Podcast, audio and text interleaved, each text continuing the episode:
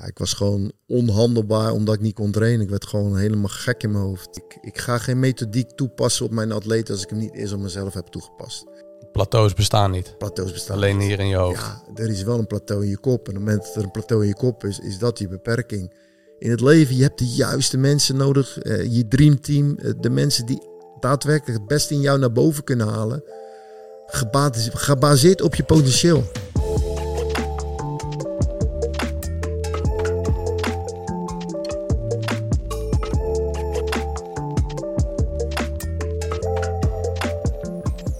Welkom bij aflevering 12 van Barberio Podcast. Met vandaag weer een hele bijzondere gast. Eh, voor mij echt wel een legende in de fitnesswereld. Iemand die niet bang is om zijn eh, mening te geven. Om eh, ja, te zeggen waar het op staat. Ehm, ja, iemand die niet geboren in Rotterdam is, maar inmiddels wel echt wordt gezien als een echte Rotterdammer. ja, met het hart op de tong.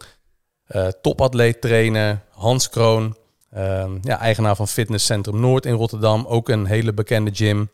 Met een eh, mooi concept eh, wat ook al eh, ja, steeds meer grond krijgt. House of Champions. Je werkt ook veel met je zoon samen. Klopt. Wat ook prachtig is natuurlijk om te zien.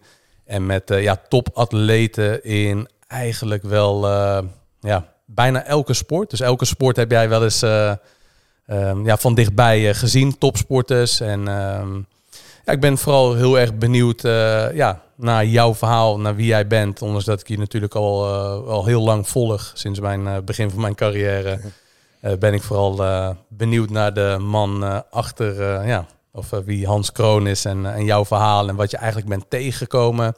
En wat ik eigenlijk ook nog wel een hele mooie vind en interessant. Jij bent natuurlijk ook extern expert voor de dopingautoriteit. En eh, ja, dat is natuurlijk wel een onderwerp wat, eh, wat ook heel belangrijk is en waar ik ook wel echt veel aandacht aan eh, wil schenken. Maar om te beginnen, ja, welkom. Dankjewel. Top dat je bent en voor mij echt een eer om jou te mogen ontvangen. Een hele mooie introductie. Je wordt er bijna verlegen van. ik kan me niet voorstellen. ik ook niet.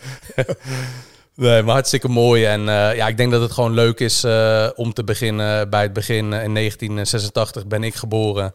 En toen begon eh, jouw carrière als eh, personal trainer. Nee, eigenlijk nog eerder. Nog eerder zelfs, ja. 1983 is het begonnen. Dus 1978 eh, heb ik het SEALS gedaan. Mhm. Toen de tijd nog een echt een eh, eliteopleiding, alleen voor mannen in Overveen. Eh moest zware toelatingsexamens doen om daar toegelaten te worden. En uiteindelijk uit 3000 man werden er 80, 90 jongens aangenomen die konden opgeleid worden tot, tot trainer. En eh, het is altijd wel mijn droom geweest om eh, werkzaam te zijn in de sport. Ik had eigenlijk twee ambities. De eerste ambitie was eh, voetballer worden. Nou, die, die droom is mislukt. En toen was mijn tweede droom gewoon trainer, coach worden. En ook daarin kijken hoe ik het allerhoogste uit mezelf kon halen. En daar werd die een nieuwe passie geboren. Is dat, ja, je hebt het zelf eigenlijk geprobeerd als profvoetballer om dat te worden. Klopt. En 16 jaar gevoetbald en ja, als ik iets doe, 100% is mijn norm. Dat is de, de normale uitgangssituatie en ik deed daar alles voor. Ging eh, voor mezelf hardlopen, ging eh, ook al beginnen met krachttraining. Hoewel je geen idee had wat je moest doen, maar ik probeerde wel van alles met veren en eh, kleine dummeltjes om, om sterker te worden. En begon ook al op mijn voeding te letten. Dus eigenlijk alle aspecten die belangrijk waren om beter te kunnen presteren, ging ik wel mee aan de slag. Ja, en, en de kennis, hoe, eh, die was natuurlijk een stuk beperkter toen. Hè, qua kennis dat je misschien echt een paar instanties en fitness was misschien nog niet zo heel populair. Hoe ben je toen aan die kennis gekomen om, ja, om trainer te worden? Ja, het is vooral een, eh, een weg van trial and error geweest. Dat zat, dat natuurlijk in een tijdperk dat er helemaal geen internet was. Eh, de expertise, zeker op het gebied van krachttraining, ja, dat, dat was er nagenoeg niet. Eh, de, de enigste literatuur was vaak de Russische literatuur over trainingsleer. En, maar toch nog wel heel beperkt vertaalbaar hè, naar, het Nederlands toe. Ik weet dat ik eh, ook in mijn SEALS-tijd heel vaak in de sportbibliotheek van Haarlem zat op zoek naar literatuur die je verder kon helpen. En ik was al vooral ook toen al een heel erg eh, praktisch ingestelde man. Dus eh, in een boek gaan zitten en alleen maar achter het boek zitten is voor mij heel lastig om mijn focus te bewaren. Ik ben vooral iemand die dingen wil uitproberen, wil dingen wil voelen, ervaren. Dus ik weet toen de tijd in de SIOS turnzaal daarboven stond, uh, stonden wat Olympische haltes. Er stonden bij wat kettlebells. Maar we wisten mijn god niet wat het, wat het waren. Weet je, zag van die grote ballen met die handvaten. Dan had je dacht, wat de fuck uh, moeten we hiermee doen? En had je dan van die oude turnbanken. Die zetten we dan neer als een soort drukbank. En dan gingen gewoon experimenteren. Ja. Ja, dus eigenlijk vooral je kennis vergaart door te ervaren, door te proberen. Ja, natuurlijk. ervaringsleren. En ik denk nog steeds, vaak wordt mij gevraagd, wat is het beste boek? Het beste boek is wat je zelf schrijft, mijn inziens. Hè. Maar dan moet je wel alles uh, gedetailleerd gaan registreren, wat je doet en wat je laat. En vooral eh, analyseren, evalueren van wat het oplevert. En als ik terugkijk op mijn, uh, op mijn hele ontwikkeling als trainer-coach, is dat toch wel een heel belangrijke leidraad geweest. Ik heb ordners vol met alle trainingen die ik deed met mezelf, maar ook vooral met mijn sporters tot in de details uitgewerkt. Dat is wel iets hè, wat op het CIO's met de paplepel werd ingegoten. Je moest je lessen goed voorbereiden. Warming-up, eh, kern, doel van de training. En na afloop een evaluatie van het geheel. En door dat heel goed te registreren in logboeken, ga je zoveel uh, experience verzamelen. Gekoppeld aan evaluatie-reflectie. Kijk, alleen ervaring is voor mij niet genoeg. Je moet het wel uh, vastleggen en vooral kritisch kijken van... Uh, heeft het het gewenste resultaat opgeleverd? En zo kan je wel zoveel waardevolle informatie verzamelen. Is ook hè, met, toch wel met heel veel methodieken ook. Ik, ik ga geen methodiek toepassen op mijn atleet als ik hem niet eerst op mezelf heb toegepast. Ik wil weten, wat, wil weten en voelen wat alle ins en outs zijn van dat wat ik doe. Mm -hmm. En ook voelen waar hè, de moeilijkheidsgraad zit, waar de intensiteitsgraad zit en waar de valkuilen zitten. En 9 van de 10 keer moet je een kleine aanpassing maken om, het, om een maatwerk van te maken. En alles draait om maatwerk en heel veel. Wat is nou het beste schema? Wat is de beste oefening? Ja, het antwoord is simpel, die bestaat niet. En maakt dat jou ook dan uh, ja, daarin misschien niet per se uniek, maar je observeert heel goed. Ja, tuurlijk. Dus je hebt niet al die boeken achter je hangen die zeggen, ja, maar het moet zo. En de studie zegt dat het zo moet. Jij bent helemaal vrij om gewoon te observeren wat er tijdens een training gebeurt. Absoluut. Je laat al je ja, bagage die niet nodig is achterwege. En, en een ego, hè, dat is natuurlijk ook belangrijk. heel belangrijk. Benoem je heel veel. Uh, maar je kan dus gewoon goed observeren wanneer je ergens bent, wat er gebeurt wat gebeurt er met diegene? Hoe reageert diegene daarop? En jijzelf natuurlijk op al die methodes. En, en dat is dan de kracht van de training, is door het goed te observeren en analyseren. Ja, trainerschap is voor mij uh, eigenlijk een vier stappen fase. Het is observeren van wat er gebeurt. Screenen eh, om nog meer in de detail te kijken van uh, wat is er gaande. Daarop anticiperen en communiceren. En vooral uitblinken in simplisme, het simpel kunnen houden van, is vakmanschap. Dat vind ik echt prachtig. En dat, ik zie in deze tijd vooral mensen die gaan van de ene cursus naar de andere cursus. En eigenlijk hoe meer cursussen ze worden, hoe slechter ze eigenlijk gaan functioneren als trainer. En hoe komt dat, denk je? Omdat ze niet snappen wat ze leren.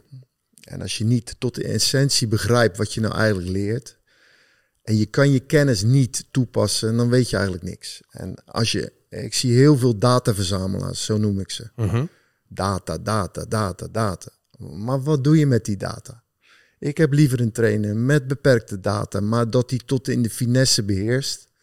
En dat noem ik dan de basics. Ja. En als hij de basics uh, uitblinkt in de basics, is hij voor mij al een toptrainer. En al die extra accessoires daarna, die komen vanzelf wel. Maar ik bedoel, uh, ik vergelijk het altijd met het huis. Eerst die palen, die moeten goed staan. Hoeveel palen heb je nodig? Hoe diep moeten ze de grond in? Hoe ga je die fundering neerzetten? De muren, het dak. Je gaat je toch niet druk maken over de schilderijen en de stereo-installatie. Dat is allemaal latere zorg. Ja. En in het bouwproces van hè, prestaties, ongeacht of dat nou een recreatieve sporter is of een topsporter, de elementaire basis is hetzelfde, de fundering is hetzelfde. Dus leer begrijpen wat je, wat je geleerd hebt. Leer toepassen wat je geleerd hebt. Ga er veel vlieguren mee maken. Vooral dat. Ga registreren wat je doet. Ga evalueren wat je doet. En dan wordt die kennis die je geleerd pas eigen. Maar ik bedoel, kijk naar mezelf. eh, ook ik heb er drie jaar SIOS gezeten. Anatomie, fysiologie, bewegingsleer. Al de Latijnse benamingen in je kop stampen. Maar begrijp je nou eigenlijk wat je leert? Ik had geen idee. ja. Weet je, ik dacht, ja, ik moet die voldoende scoren. En eh, twee dagen later was je die zogenaamde aangeleerde kennis was je alweer kwijt. Het is grappig dat eigenlijk na jarenlang eh, in het vak te zitten, dat ik op een gegeven moment momenten had dat ik dacht van, nu pas snap ik het echt. Nu pas leer ik echt begrijpen van wat ik toen geleerd heb. En daar ging best wel lange tijd overheen. Dus eh, ik zou jou haast zeggen van, ga niet te snel de ene cursus naar de andere cursus doen ga wel zorgen dat je een hele goede fundering ook daarin weer hebt. Dus was het SIOS voor mij een goede opleiding, een topopleiding. Was een brede, algemene opleiding. Maar was ik een specialist? Nee, Nee. natuurlijk, nee natuurlijk niet. Nee, dus misschien ook voor de basis eigenlijk hetzelfde. Ook wat je doet met autorijden. Je leert de basis. En op het moment dat je je rijbewijs haalt, begint het spelletje pas echt. Klopt. En dan ga je echt praktische ervaring. Dan Klopt. is het echt handig om dit te doen. Ja, en sommige mensen hè, rijden 20 jaar, kunnen nog niet rijden. ja. Die heb je ook. En waar heeft dat mee te maken? Toch de feeling hebben. Mhm. Uh, maar ook weer kritisch kijken van, ja, ik heb wel mijn rijbewijs, maar kan ik eigenlijk wel rijden? Sta ik open voor input die, van iemand anders die meer rijvaardigheid heeft als ik? En wil ik daarvan leren? En ook daarin, we hadden het net al heel kort hè, over het ego. Mhm. Laat je ego nooit in de weg zitten in je ontwikkelingsproces. Die is niet welkom in jouw sportschool. Nee, als het, als het in de weg staat, niet. Als je, Nee. je ego kan je hè, op twee manieren op anticiperen. Je kunt het ook gebruiken. Ik heb ook een ego. Ja. Je ego kan je ook als een driver gebruiken, als, Ja. een, als een energiebron. En in het ego zit ook een bepaalde bewijsdrang. Ook ik heb een bewijsdrang. En het, Ja. is, het is ook een belangrijke drijfveer. Maar je gebruikt het goed. Ja, je leert, leert het hanteren op de juiste manier. Iedereen heeft eh, bepaalde kwaliteiten. Ja. Maar leer je kwaliteiten goed gebruiken, in te zetten op dat wat je wil bereiken in je leven. En heeft jouw ego je in het verleden wel eens in de weg gezeten? Dat je daardoor Nee. bepaalde dingen niet hebt bereikt? Omdat ik eh, op relatief jonge leeftijd heel bewust was dat ik nog een grote ontwikkeling moest doormaken. Ik ben leergierig, ik heb echt een grow eh, mindset. Altijd wel gehad. Eh, dat is de reden dat ik na het CIOS, eh, driejarige opleiding, sergeant sportinstructeursopleiding, al een aantal jaren werkzaam in de fitnesswereld, tot de conclusie kwam, ik weet gewoon niks. Ja. Ja, dat is een harde confrontatie die je aangaat met jezelf. Maar dat is wel de opening om eh, te zeggen, ik sta open om me verder te ontwikkelen. Wat heb ik nodig om me verder te ontwikkelen? Ja. En dat was mijn belangrijkste reden om de overstap te maken naar eh, Californië, het mekken van bodybuilding 86.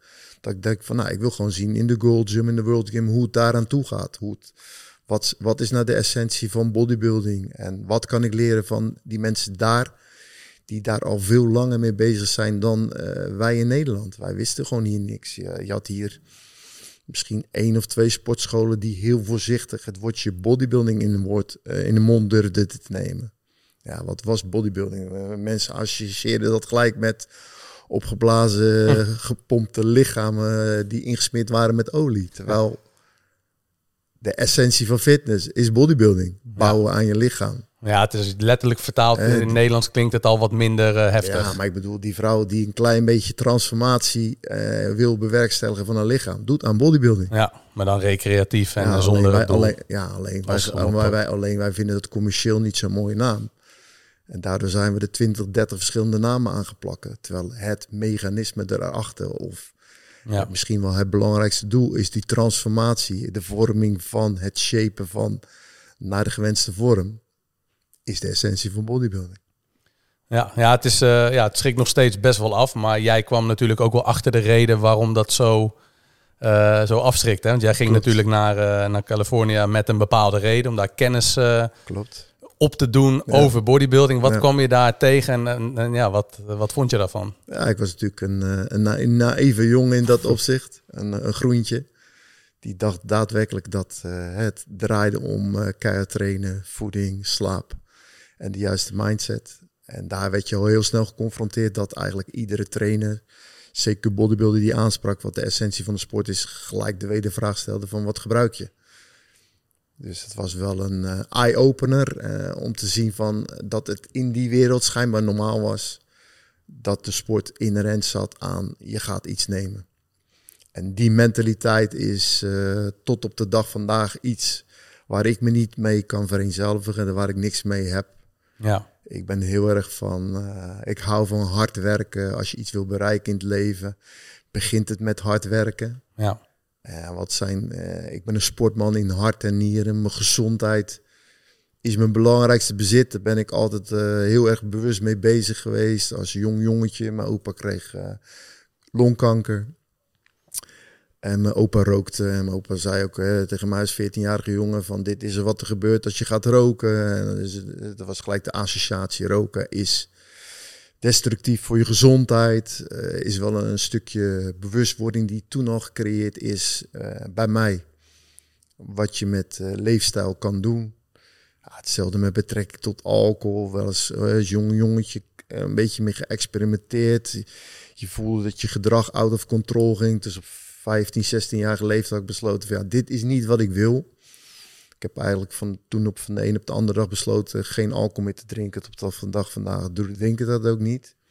Omdat ik het niet vond passen met mijn doel als sportman en ook mm -hmm. hoe ik uh, sta ten opzichte van gezondheid. Dus dan kan je wel nagaan hoe de verhalen ontvangen werden die ik in Amerika hoorde van uh, ja, toch wel die drugsmentaliteit. Ja. De gemak waarmee daar uh, er over gepraat werd. En toen de tijd best wel roemruchte trainers die gewoon veredelde drugsdealers waren en in hun truck een halve rijdende apotheek hadden. Ja, ik heb het allemaal gezien.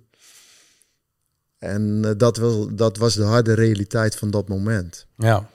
En dat was wel voor mij ook de eerste stap van nou, die weg wil ik nooit inslaan.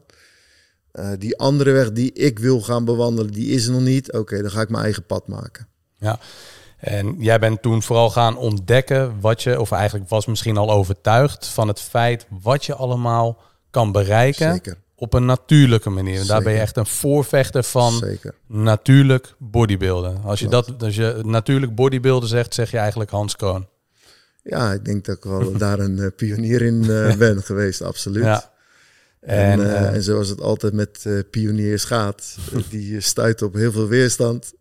Want je gaat een weg bewandelen die nog niemand ooit gedaan heeft. Uh, je krijgt met sceptische mensen te maken die zeggen dat wat je doet kan niet. Ga niet, bestaat niet, is, is mijn theorie. ja. Er is veel meer mogelijk dan je denkt. Alleen als je die weg nooit gaat bewandelen. En zo is de eerste berg in de wereld ook op beklommen. Als je niet gewoon aan de beklimming gaat beginnen. Ja, dan zal je nooit die top bereiken. En er is veel meer bereikbaar dan mensen beseffen.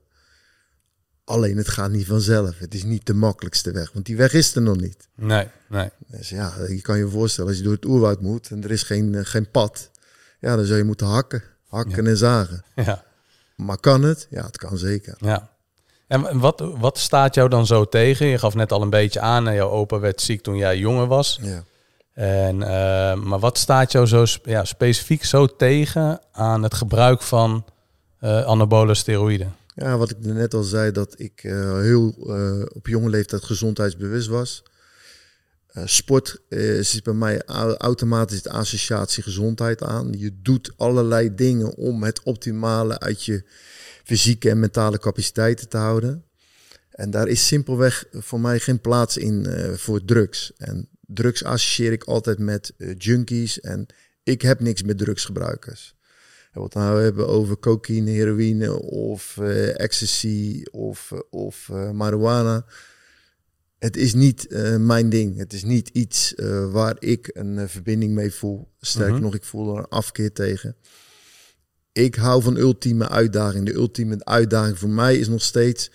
wat kan je uit een mens halen langs de weg van training, voeding, slaap en de juiste mindset. En ik vind dat super fascinerend. En uh, als begeleiding van, uh, van zoveel topsporters en uh, met vijf Olympische cyclussen als ervaring, als referentie. Er, er, is veel haalbaar, weet je wel. Onze atleten, acht Olympische medailles gewonnen, de top van de top gehaald, eigen kracht.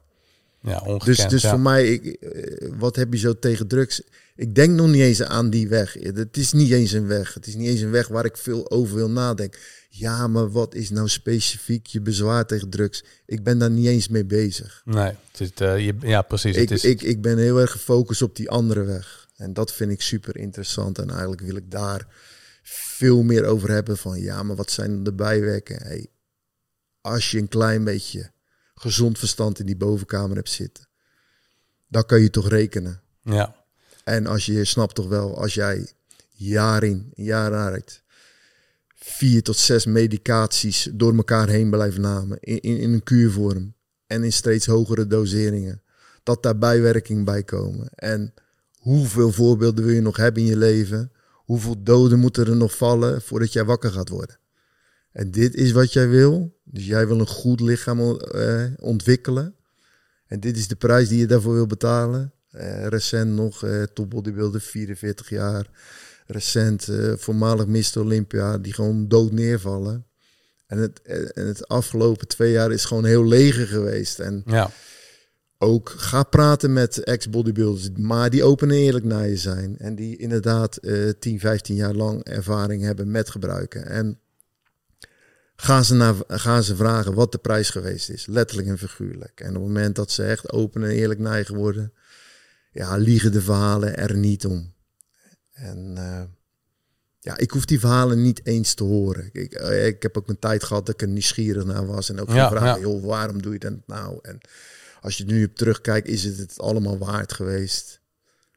Ja, 9 van de 10 keer was het antwoord, ja, als ik de wijsheid van nu in pacht had, zou ik nooit die weg zijn Ja. ingeslagen. En sommigen zeiden ook van, ja, ik heb een hele dure Mercedes in mijn kont zitten. en eh, kijk nu hoe ik ervoor sta. Ik ben een wrak, ik kan niks meer. Ik kan niet eens meer trainen. En, Een oude Fiat geworden. ja, via Panda. dus nogmaals, ik wil niet eh, met het vingertje wijzen. Ik gaf je straks dat voorbeeld van vuurwerk. Kom, oh, jongens, let op, dit en dat. Het enige wat ik wil zeggen, er is een andere weg. Mhm. Het is een weg, eh, dat wat jij dan bereikt is van jou. Het is jouw eh, verdienste. Ja. Het is jouw eh, effort die je erin hebt gestopt, die je gebracht hebt tot dit, dit resultaat. En dat is ook iets dat heeft te maken met trots, met puur, Mhm. met zuiver. Ja, dat zijn voor mij belangrijke meerwaarden. En ik hoop voor meer mensen ook van, ja, je wilt toch iets bereiken dat je denkt, tering man, Ja. echt trots op dit. eh, hè, dit wat ik gedaan heb, heb ik echt zelf gedaan. Of dat wat je bereikt hebt, is uit een, uit een potje en uit een spuitje. Ja, Ja. hoe kijk je naar jezelf, weet je wel? Ja. Als ik s'avonds in de spiegel kijk, wil ik me eens recht in mijn ogen aankijken. Ja, hoe kijk je terug op deze dag? Ja. Ben je trots op dat wat je gedaan hebt? Heb je iets bereikt vandaag? Heb je andere mensen meegenomen in jouw reis? Ja, als ik daar overal een ja op antwoord krijg, dan op dat moment ben ik een gelukkig man. En ik wil een gelukkig man zijn. En ook geluk is maar aan, bij mij gekoppeld aan gezondheid. Ik denk eh, dat dat een hele mooie is, die, eh, die koppeling geluk en gezondheid. Ja, als je geluk hebt, maar je bent niet gezond, dan Ja, dan kun je niet zo heel veel. Niks. Als je geld hebt, maar je bent niet gezond, heb je ook niks. Precies dat. En ja, wat ik eigenlijk wel heel mooi vind, ik heb natuurlijk eh, jou geïntroduceerd. Eh, jij bent naast topsport of eh, topatleet trainen, hè, ben je natuurlijk ook voor de dopingautoriteit ben je al gigantisch lang bezig. Er zijn boeken over geschreven, een boek op eigen kracht, hè, daar ben je ook, daar heb je ook deel uit van, van uitgemaakt.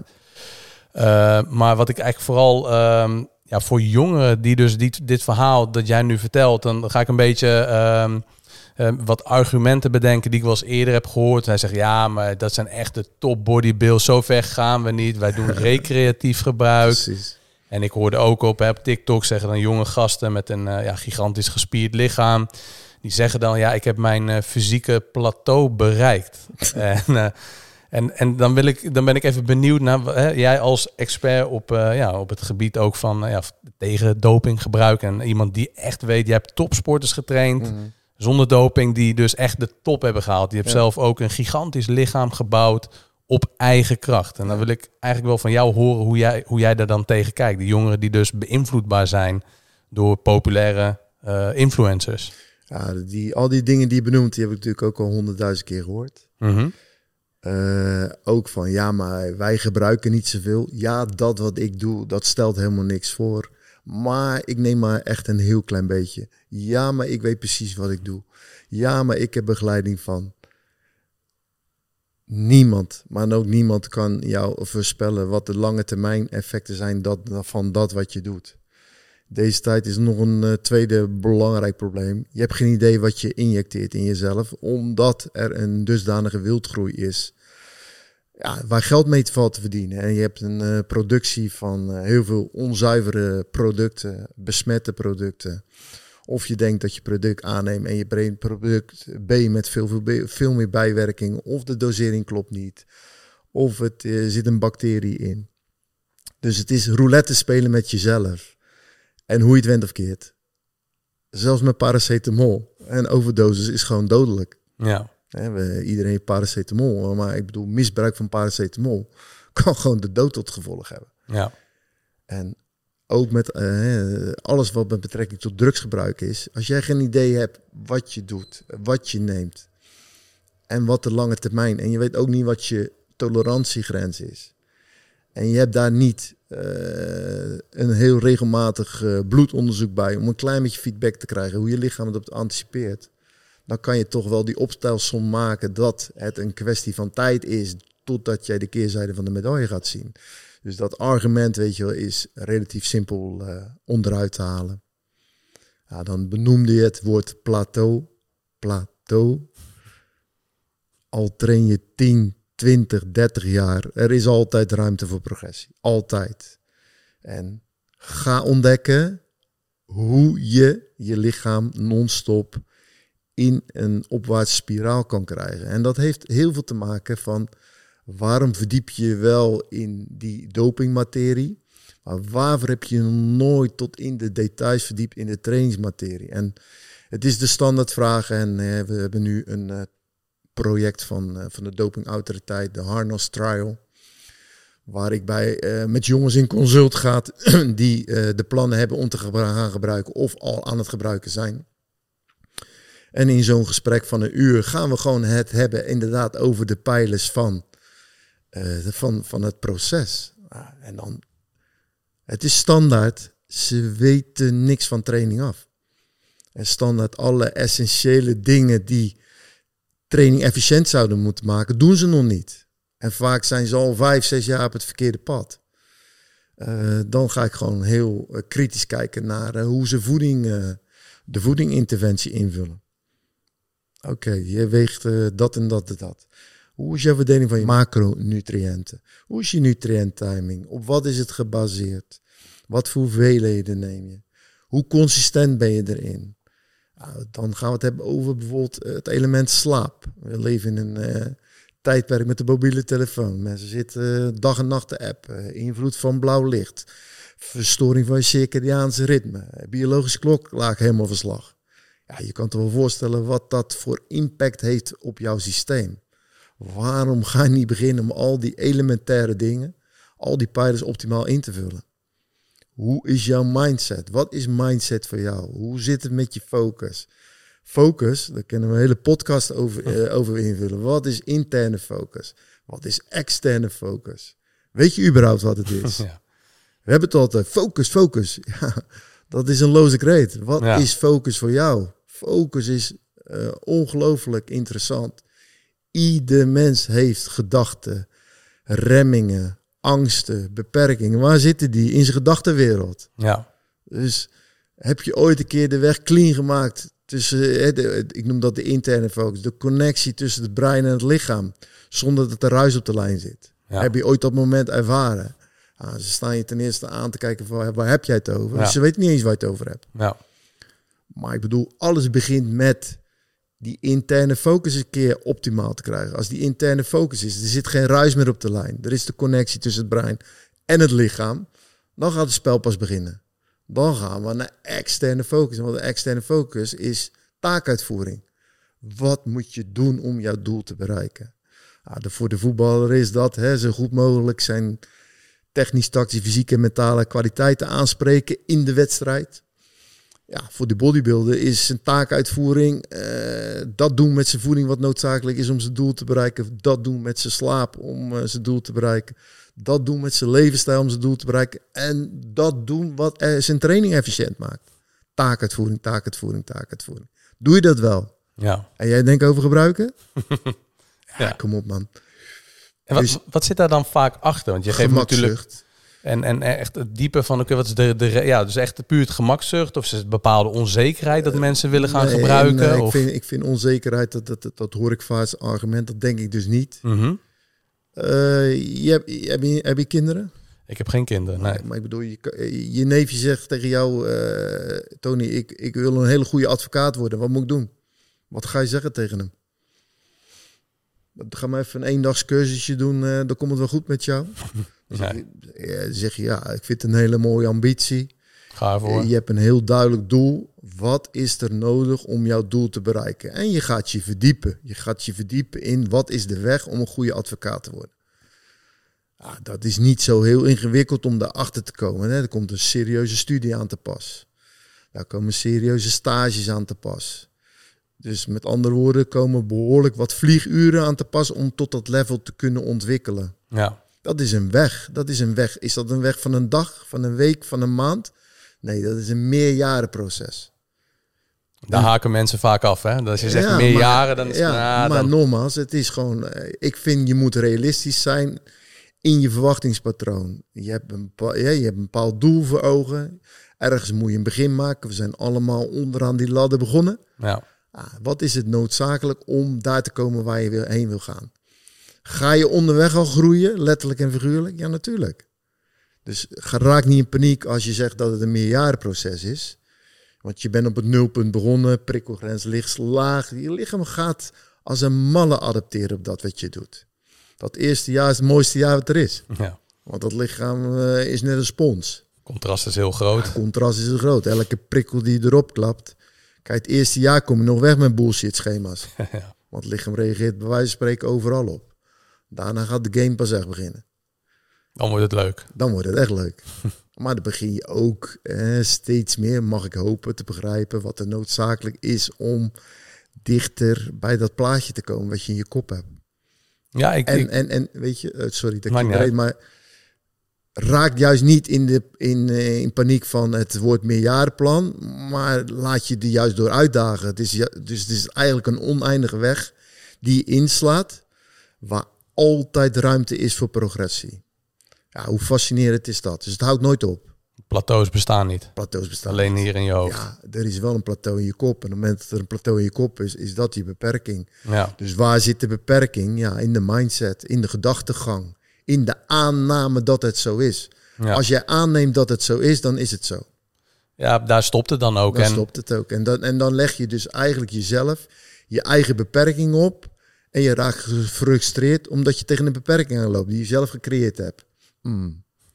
Daar zou ik nog maar eens over die zin nog een keertje eh, nadenken. Ja, ja en is, is het dan ook niet zo? Kijk, wat, wat ik vind, mijn mening als personal trainer met ja, weinig ervaring ten opzichte van jouw ervaring.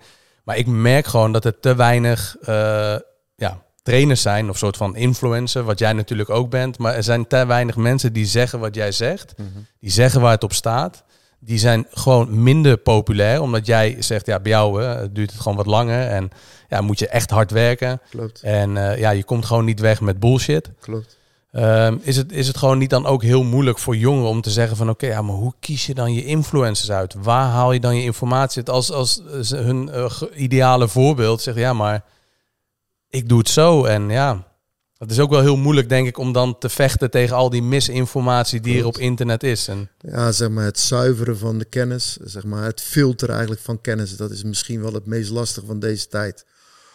Omdat we in tegenstelling tot het tijdperk waar ik in opgegroeid, de bronnen juist te beperkt waren, zijn de bronnen nu te groot. Dus het eh, opschonen van je bronnen, eh, wat zijn betrouwbare bronnen, daar moet je gewoon veel kritischer in worden.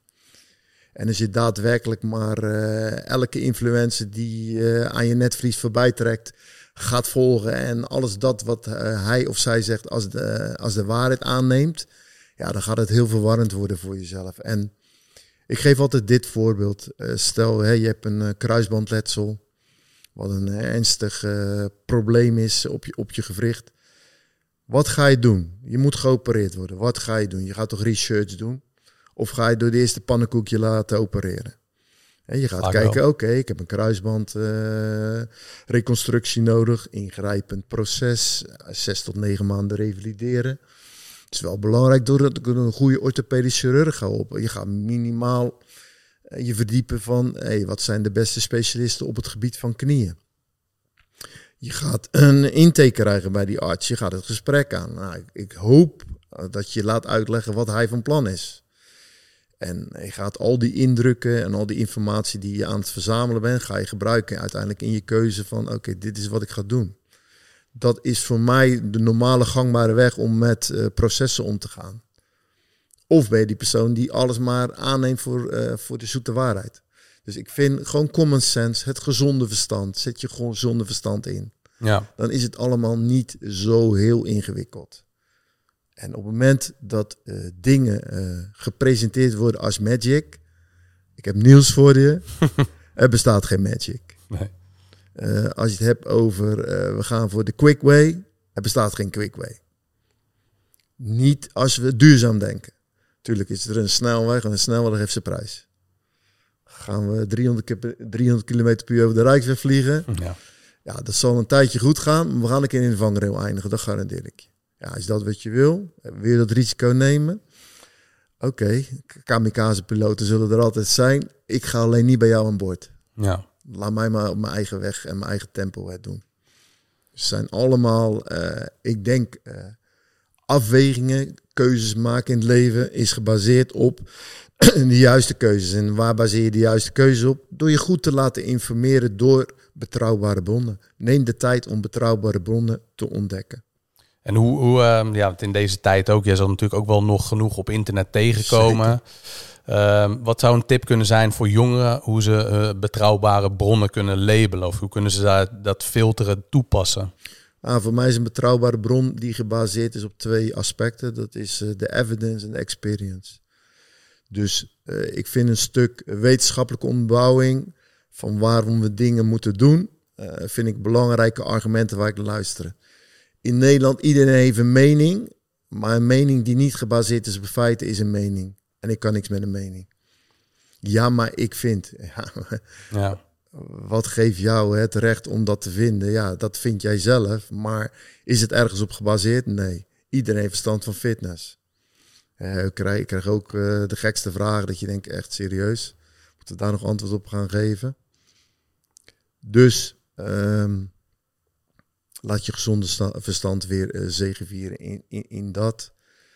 Ga af op mensen die uh, naam en faam al verworven hebben op basis van inderdaad die evidence en experience die kenmerkend is van hun werkwijze.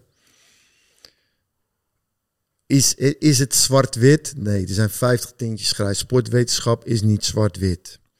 Uh, heb ik op alles een antwoord? Nee. Kan ik je de weg wijzen? Ja, absoluut. Op basis van alle kennis en ervaring die ik in al die jaren heb opgedaan, dat zeker. En zo zijn er echt nog wel meer mensen te vinden. Maar het feit hè, dat iemand alleen een goed lichaam heeft, ja, is voor mij geen enkele garantie dat hij verstand van zaken heeft. Nee, ik wil weten wat zijn achtergrond is. Uh, is. Is hij inderdaad een specialist op dat vakgebied? En zo ja, waar is dat specialisme dan op gebaseerd? En we weten allemaal, in de huidige fitnesswereld is er een wildgroep van personal trainer. Elke boerenlul, noemt boer, uh, personal trainer. En ze vragen de meest krankzinnige tarieven en eigenlijk weten ze helemaal niks. En ik geef veel uh, masterklassen, workshop aan, aan andere trainers. En de generale gedachte die ik altijd op de terugweg heb, dan wow, dit was uh, confronterend en chockerend tegelijk. Hoe beperkt de kennis van deze mensen was. Ik ben geschrokken van het level waar ze nog op zitten, terwijl ze al behoorlijk succesvol zijn in dat wat ze doen. Succesvol, dan heb ik het over het zakelijke gedeelte. Mm -hmm. Maar kwalitatief, vakinhoudelijk, eigenlijk weten ze nog niks. Veel marketing en weinig het ja, vakkennis. Sales en met goede sales en marketing komen heel veel mensen weg. Ja. Maar echte vakmensen in deze tijd zijn zeer dun gezaaid. Ja.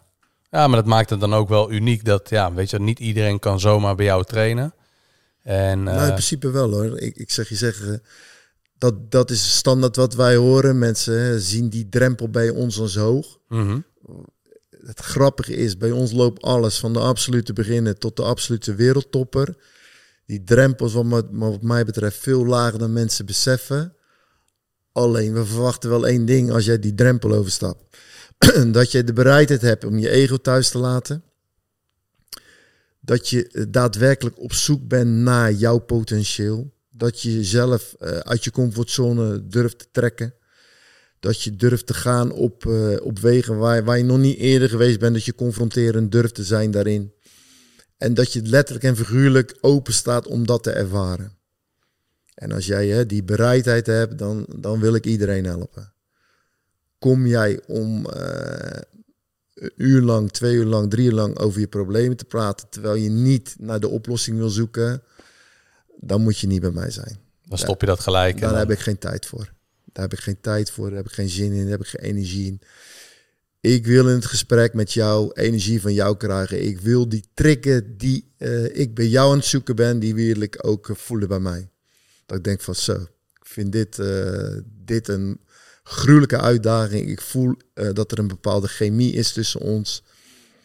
En ik, ik, ik, mijn handen beginnen te jeuken om iets te gaan doen met je. Maar op het moment dat jij alleen maar energie aan het trekken bent bij mij, ja, dan, dan, dan, dan gaat er niks ontstaan. En dat wil niet zeggen dat er niet momenten zijn in het proces dat ik je aan het duwen ben. Ik ga je heel hard duwen. Maar er zijn ook momenten dat jij gewoon moet geven. Dus het is altijd de standaardvraag: wat kom je halen, wat kom je brengen? En die vragen wil ik gewoon eerlijk antwoord op hebben. En we gaan uh, in onze persoonlijke communicatie gaan we gewoon uh, zeggen waar we voor staan en gaan. We gaan ook benoemen hoe het werkelijk is. We gaan geen bullshit verhalen te vertellen tegen elkaar. Ah, nee, weet je, dat zijn voor mij allemaal elementaire dingen die kenmerken zijn voor House of Champions. En als jij je daarin uh, in, voelt en je voelt dat daar een, een match is met jou, hey, dan ben je welkom, meer dan welkom. Weet je, mensen denken altijd, ja, ik moet Olympisch sporten zijn. Nee joh. Dat is, dat, we zijn allemaal uh, ooit, weet je wel, aan, dat aan het begin van die weg uh, hebben ja, gestaan. Je moet ergens beginnen. Ja, maar juist mooi, weet je wel. Dat ja. mensen die nog helemaal blanco zijn. Die zeggen van, ja, het is interessant wat hier gebeurt. Weet je, het eerste wat mensen zeggen is, zo, wow, het is geen doorsnee Nee, dat klopt. We zijn geen doorsnee We willen we ook niet zijn. We willen het laatste, het laatste wat we willen zijn is doorsnee. We willen iets doen wat ons onderscheidend maakt. Echt een bijdrage leveren aan ja, mensen. Uh, ja, absoluut. En dat kan voor die zakenman zijn, dat kan voor die student zijn, dat kan voor die jongere zijn die absoluut niet weet wat hij wil met zijn leven. Of dat kan voor die persoon zijn die uh, dicht tegen een depressie aanhangt en gewoon het licht in de tunnel niet meer ziet. Uh, als ik die mensen hè, kan triggeren en de weg kan wijzen om uh, naar hun eigen potentieel te kijken en daar tot de ontwikkeling in te komen, ja, dan geeft dat mij net zoveel voldoening als Olympische medaille. Ja, het is super mooi. Dat is gewoon, weet je, dat, uh, het werken met mensen. Dus begeleiding voor mij is niet training, coaching van, van een uur. Het is totalitaire mensontwikkeling. Ik ben geïnteresseerd in het totaalbeeld van die persoon. Heel veel topsporters die uh, op een gegeven moment aan het einde van hun carrière afscheid van je nemen. Die zei ook van ja, echt wat ik hier. Uh, ik ben gewoon gegroeid als mens. Ik heb me echt hier ontwikkeld als mens. Ik heb hier zoveel uh, levenslessen mee gehad. Waar ik de rest van mijn leven baat bij heb. Nou, dat is eigenlijk het grootste compliment wat je kan krijgen. Prachtig. Er ja. zijn heel veel metaforen uit de sport. Ja, die gewoon toepasbaar zijn in, in, in het dagelijks leven. Weet je. En mensen zeggen vaak, ja, maar training die zijn daar te kortzichtig in wat training nou eigenlijk betekent. Training is zoveel meer dan dat ene uurtje beuken. Want is, is dat dan waar veel mensen te gefocust op zijn, dat dat uurtje knallen en daar heel veel van af laten hangen? In ja, plaats van dat, ja, dat zeker, ze... zeker. En ook, je ziet natuurlijk altijd die filmpjes van uh, hoe, uh, hoe zwaar ze het hebben gehad. Zwaar? Vriend, iemand die in een invalide wagen zit, die geen benen meer heeft, waar zijn lichaam vol zit met uh, ongewenste en gewenste cellen, die heeft het zwaar. Jij hebt een keuze. Het is een privilege dat je de keuze hebt om gezond te zijn, te bewegen, gezond te eten, op tijd te slapen en gewoon een positieve mindset te hebben. Wees gewoon dankbaar dat je de keuze hebt. Zie het niet als een, uh, als een hindernis. Nee. Zie het als een als een cadeautje van het leven. Wat je, hè, dat jij die keuzemogelijkheid hebt.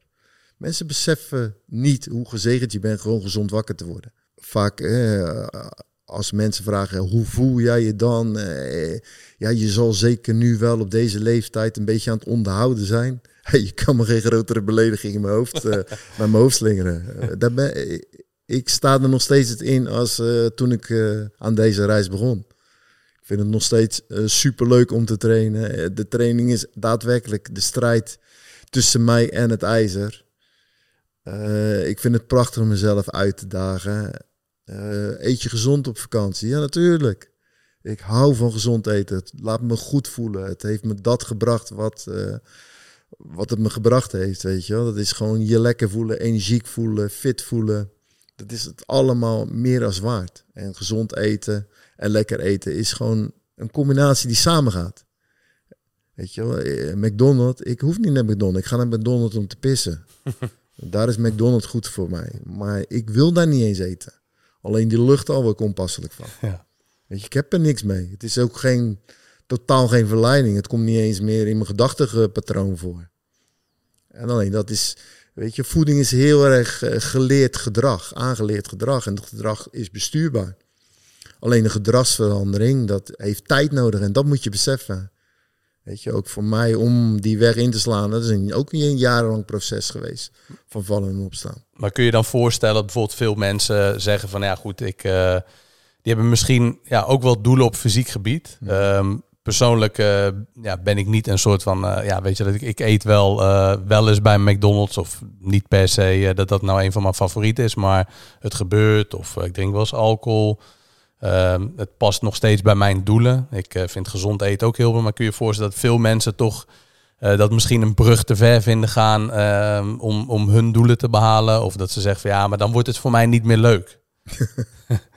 ja, dan is de term, wat, wat is dan leuk? Ja. Ja, dus ze dus, vinden in alcohol. Nee, ik stel altijd deze twee vragen. Je bent hier met een bepaalde reden binnengekomen. Wat is nou de belangrijkste reden dat je hier binnen binnengestapt? En eigenlijk twee standaard kenmerken is wat je steeds terug hoort. Ik wil er beter uit zijn, uitzien. Mhm. Ik wil me beter voelen. Nou, als je daarop gaat doorvragen, dan komt er een, uh, een heel groot verhaal uit hoe slecht ze zich al heel lang voelen.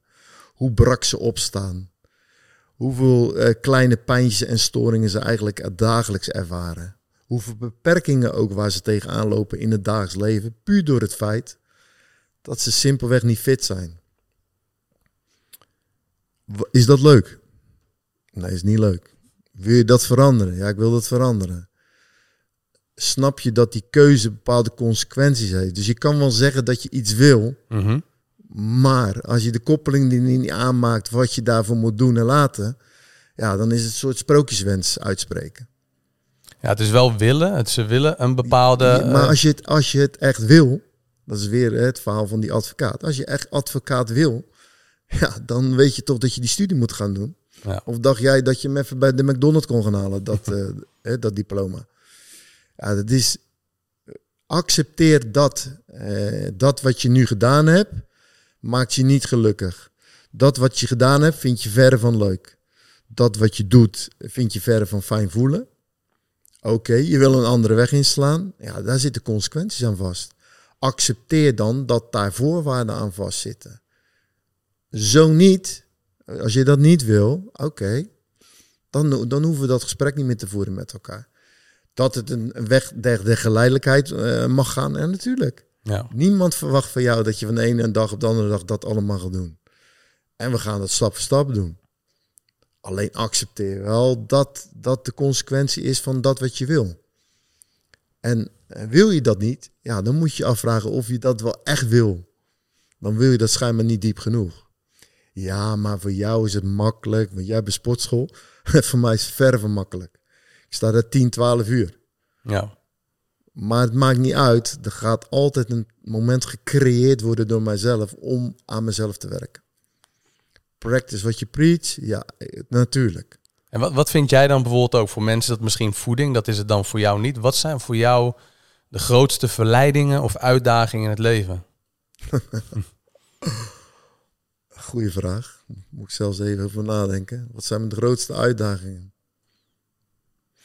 Mijn grootste uitdaging is. Uh, ik vind dingen uh, die exceptioneel zijn al vaak normaal. Mm Dus mijn grootste uitdaging is uh, daadwerkelijk veel bewuster nog genieten van de successen die je met je atleten bijvoorbeeld behaalt.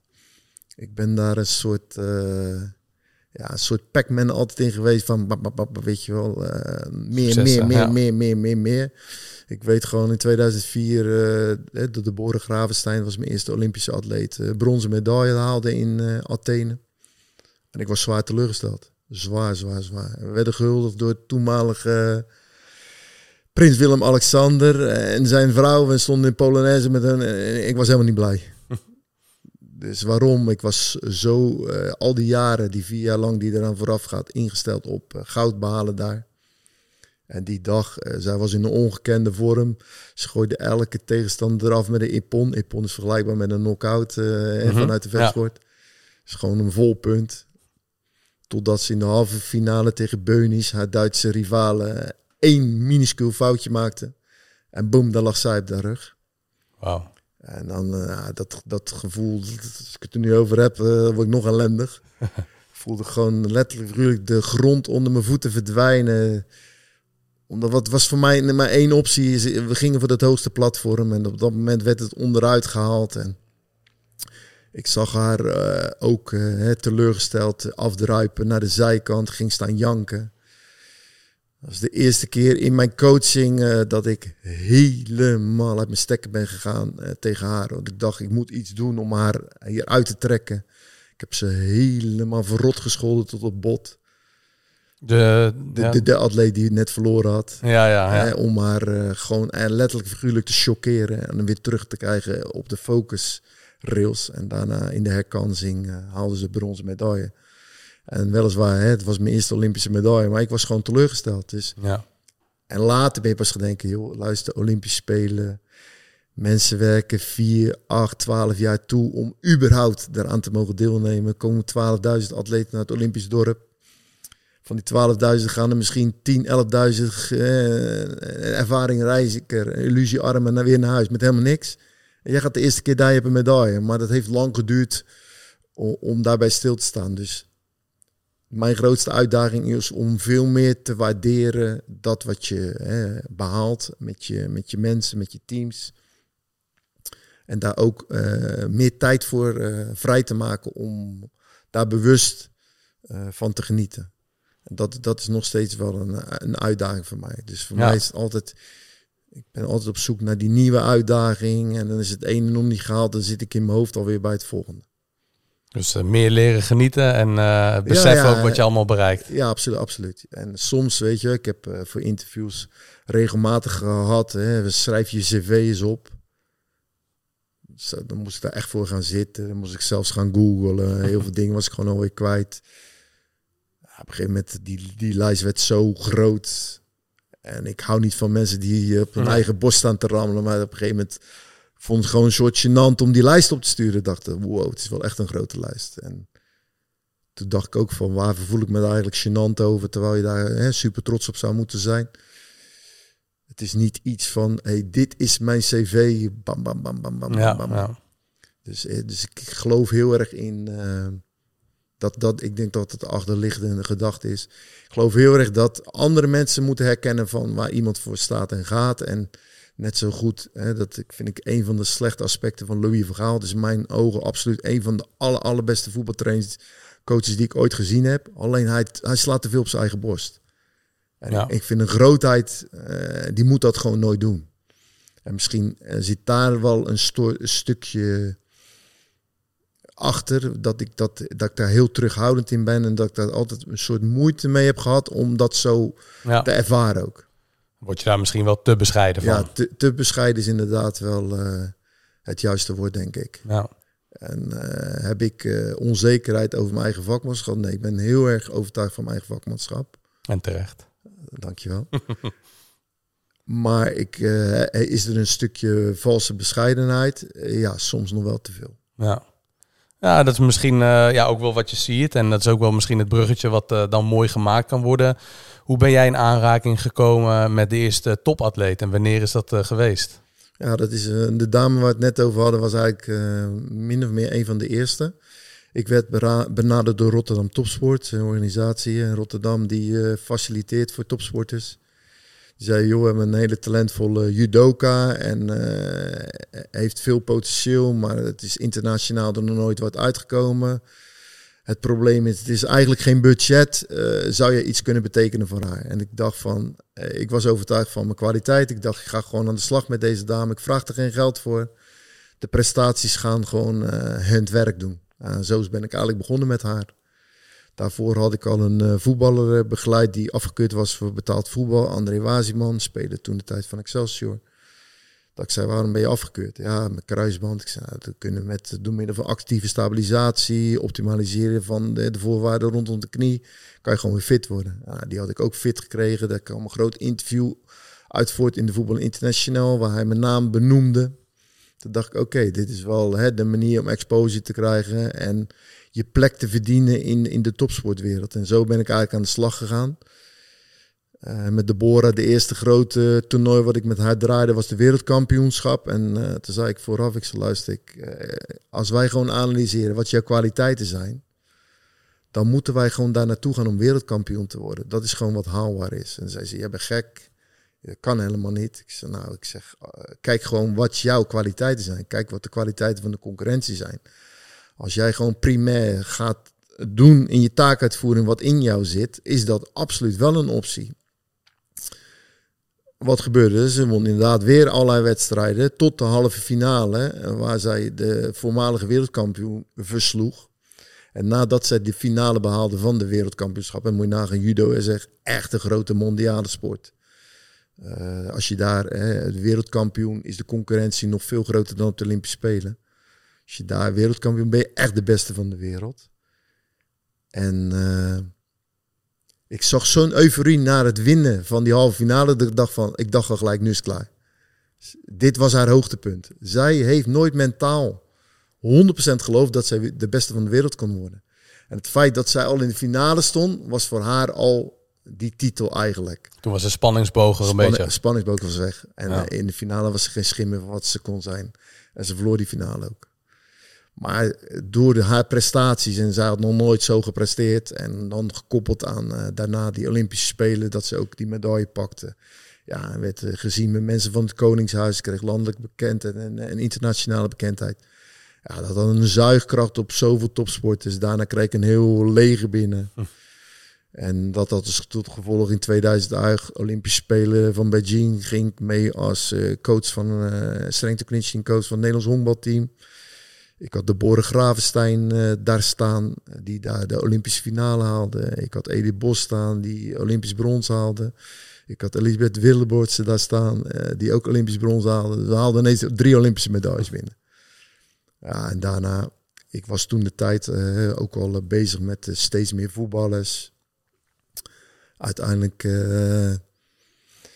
via via via met Ron Vlaar in contact gekomen. Daar had ik gelijk een match mee. Eh, geweldige tijd uh, beleefd met hem. Ja, met als absolute hoogtepunt hè, die wereldkampioenschap eh, in Brazilië, waar hij uitgeroepen werd tot Rombeton, tien beste verdedigers van de wereld. Nou, de interventie op die actie van Messi. gewoon hoe hij daar speelde. Als ik het over heb, ja. krijg gewoon kippenvel. Stefan de Begrij begeleide ik. hun werden uiteindelijk het centrum van het Nederlands elftal. Stefan uh, maakte de begeleiding, onder mijn begeleiding de transfer naar Italië, waar hij multimiljonair werd. Prachtig. Ja, prachtige verhalen, weet je. Ik ben toen uh, met een charter naar uh, Rio gevlogen. Ik heb de eerste wedstrijd gezien. Nederland-Spanje, voormalig wereldkampioen. Dat je iedereen dacht, zo, slechte loting. En we sloegen de voormalig wereldkampioen met 5-1. Ik was er live bij. En Ron, die na afloop het veld echt zocht waar ik was. En weet je, de, de biceps pose naakte naar mij. Prachtig. Ja, prachtig, weet je wel. We hadden die hele weg met elkaar afgelegd. Heel doelbewust in het proces, steeds weer doelen gezet. Ja, hij maakte van Feyenoord de transfer naar uh, Aston Villa om de Premier League te gaan spelen. Ik vloog regelmatig naar Engeland, wel een hele gym gebouwd in zijn garage. Gozer was ongekend uh, gedisciplineerd. Hoe hij zijn sport beleefde, ja, dat, dat, dat was een match, weet je wel. Zoals je één keer de liefde in je leven hebt. maar je ultieme match, dat, dat, had ik ook met hem. Maar dat ik trouwens wel met meerdere mensen. Ja, dan haal je het best in elkaar naar boven. Ja. Dus uh, ja, door, door al die eh, ambassadeurs noem ik het maar. Ja, ja. Ja, werd de zuigkracht eh, steeds groter. Ik was eh, met Gokan Saki eh, ook op jonge leeftijd begonnen. En uiteindelijk zijn we het K1 circuit in Japan ingegaan. Zes keer naar Tokio geweest, Dubai, Chicago. Vlogen de hele wereld over om mensen in elkaar te slaan. ja, en daardoor kwamen weer allerlei andere vechters eh, in. eh, ja. en ook daarin eh, dacht ik altijd van, als ik op het ene podium stond, ik weet dat ik in Las Vegas stond. UFC eh, eh, organiseert zijn grootste event in de T-Mo- T-Mobile Arena. Nou, ik weet niet of ik daar ooit ben geweest. Nou, niet geweest, maar ik volg het wel. eh, Nee, maar de als je, als, je, als je ooit in Las Vegas bent, moet je gewoon even daarvoor gaan staan. Maar nog liever, ga even naar binnen. En ga gewoon even in het midden staan. Kijk gewoon een tribune. Als het leeg is, dan heb je een beetje hetzelfde ge- eh, gevoel als je in Camp Nou gaat staan, Barcelona. Al is dat stadion helemaal leeg. Als je daar staat en je gaat even een klein beetje visualiseren. Ja, dat, dat is gewoon eh, een dikke lulmoment voor elke, voor elke jongen. Als je daar een stijve plassen van krijgt, eh, dan weet ik het niet meer. Eh, dat is, dus bij die T-Mobile Arena, dat, daar had ik zo ook van, hier ga ik terugkomen als coach, 100% zeker. Hier moet ik staan. En twee jaar later stond ik daar met Saki, met zijn tweede UFC-gevecht. Tegen Roundtree of niet? Ja, tegen Roundtree. En Minder afloop volgens mij, maar dat, afloop was een, een, een hele zware domper. En, het hoort er wel bij. Het hoort erbij. ja, en ik, en ik kan je zeggen, die, die impact van zo'n nederlaag, dat, dat, dat, dat is niet uit te leggen wat er dan aan emoties door je heen stromen. wat, wat gebeurt, kun je mij eens meenemen ook? Want we hebben natuurlijk heel veel euforische momenten gehad, maar kun je mij eens meenemen naar ja, echt... bijvoorbeeld, bijvoorbeeld in, eh, Saki was natuurlijk eh, de beste light heavyweight kickboxer die misschien wel ooit gehad hebben in mijn ogen. Mhm. Noodgedwongen hè, moest hij vechten bij de zwaargewicht omdat daar gewoon het geld te verdienen viel. Ja, Dus dat betekent altijd tegen, hè, ik noem wat, tegen een Sam Schild sta je tegen 130 kilo en een gast van 2 meter zoveel. Terwijl jouw package optimaal eigenlijk 95 kilo is, een soort geforceerd met te veel blubber.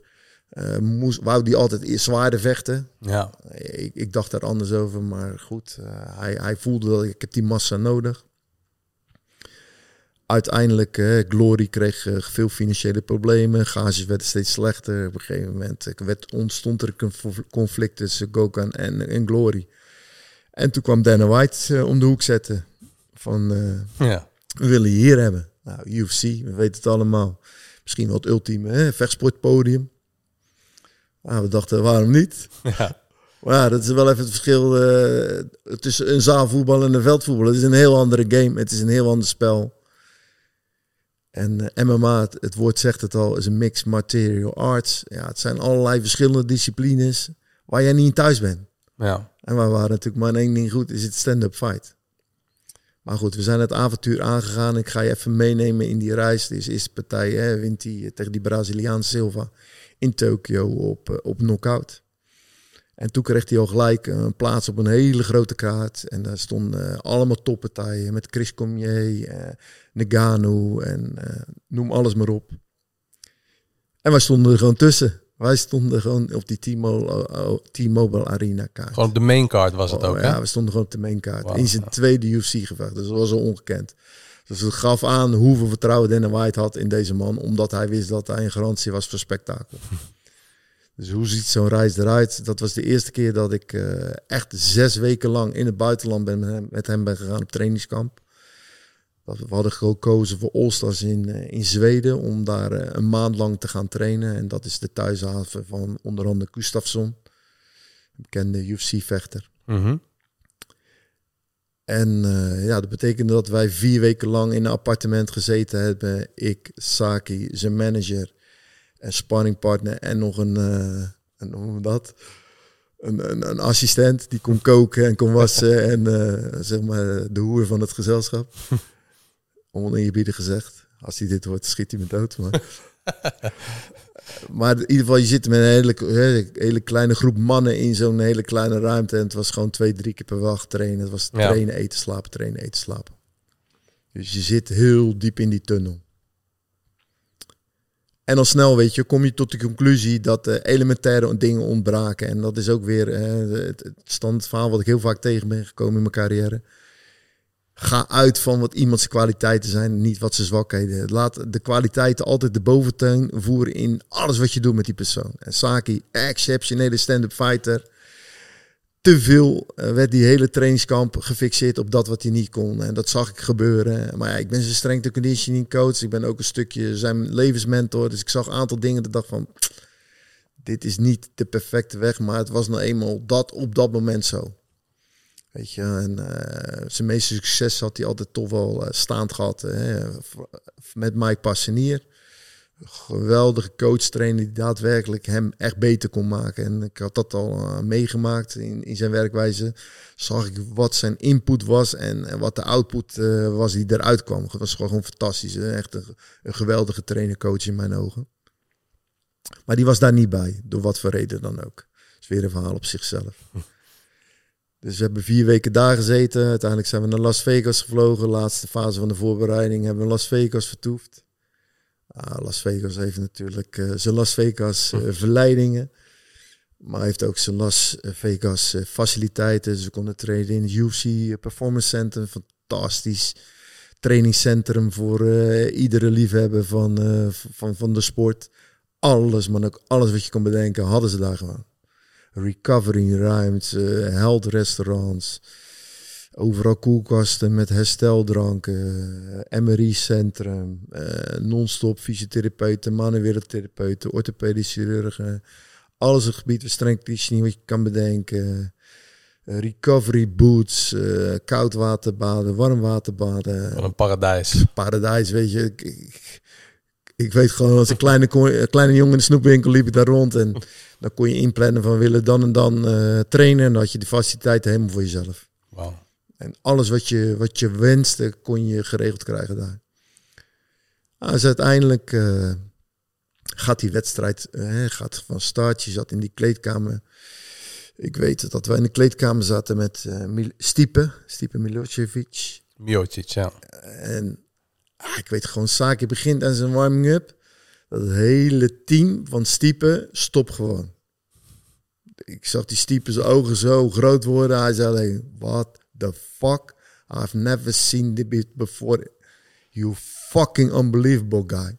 You gonna kill that motherfucker. hij was gewoon uh, zo impressed door wat voor vechtskills deze jongen had. Alleen, ook hij had weer één valkuil. Hij in zijn bovenkamer zat er zoveel twijfel altijd. En het ook weer, we denk weer aan het verhaal van die interne focus. Mhm. Angst en remming, beperking. Bij hem zat er honderdduizend in zijn hoofd. Dat was een stiepe. En zijn hele team, ja, gewoon, die ging bijna klappen. Terwijl Ja. ze warming-up aan het doen was. Zo goed was deze jongen. Ja. En ik weet nog dat in die voorbereiding naar die wedstrijd toe de hele tijd eh, die coaches maar riepen switch stance, switch stance. Switch stance betekent rechts voor staan, links voor staan, rechts voor staan, links voor staan. Maar we wisten dat die Roundtree maar één wapen had, was de linker jab. Dus als je, als je één ding moet doen waar je eh, een gozer met één wapen linker jab is gewoon links voor blijven staan, is de afstand levensgroot.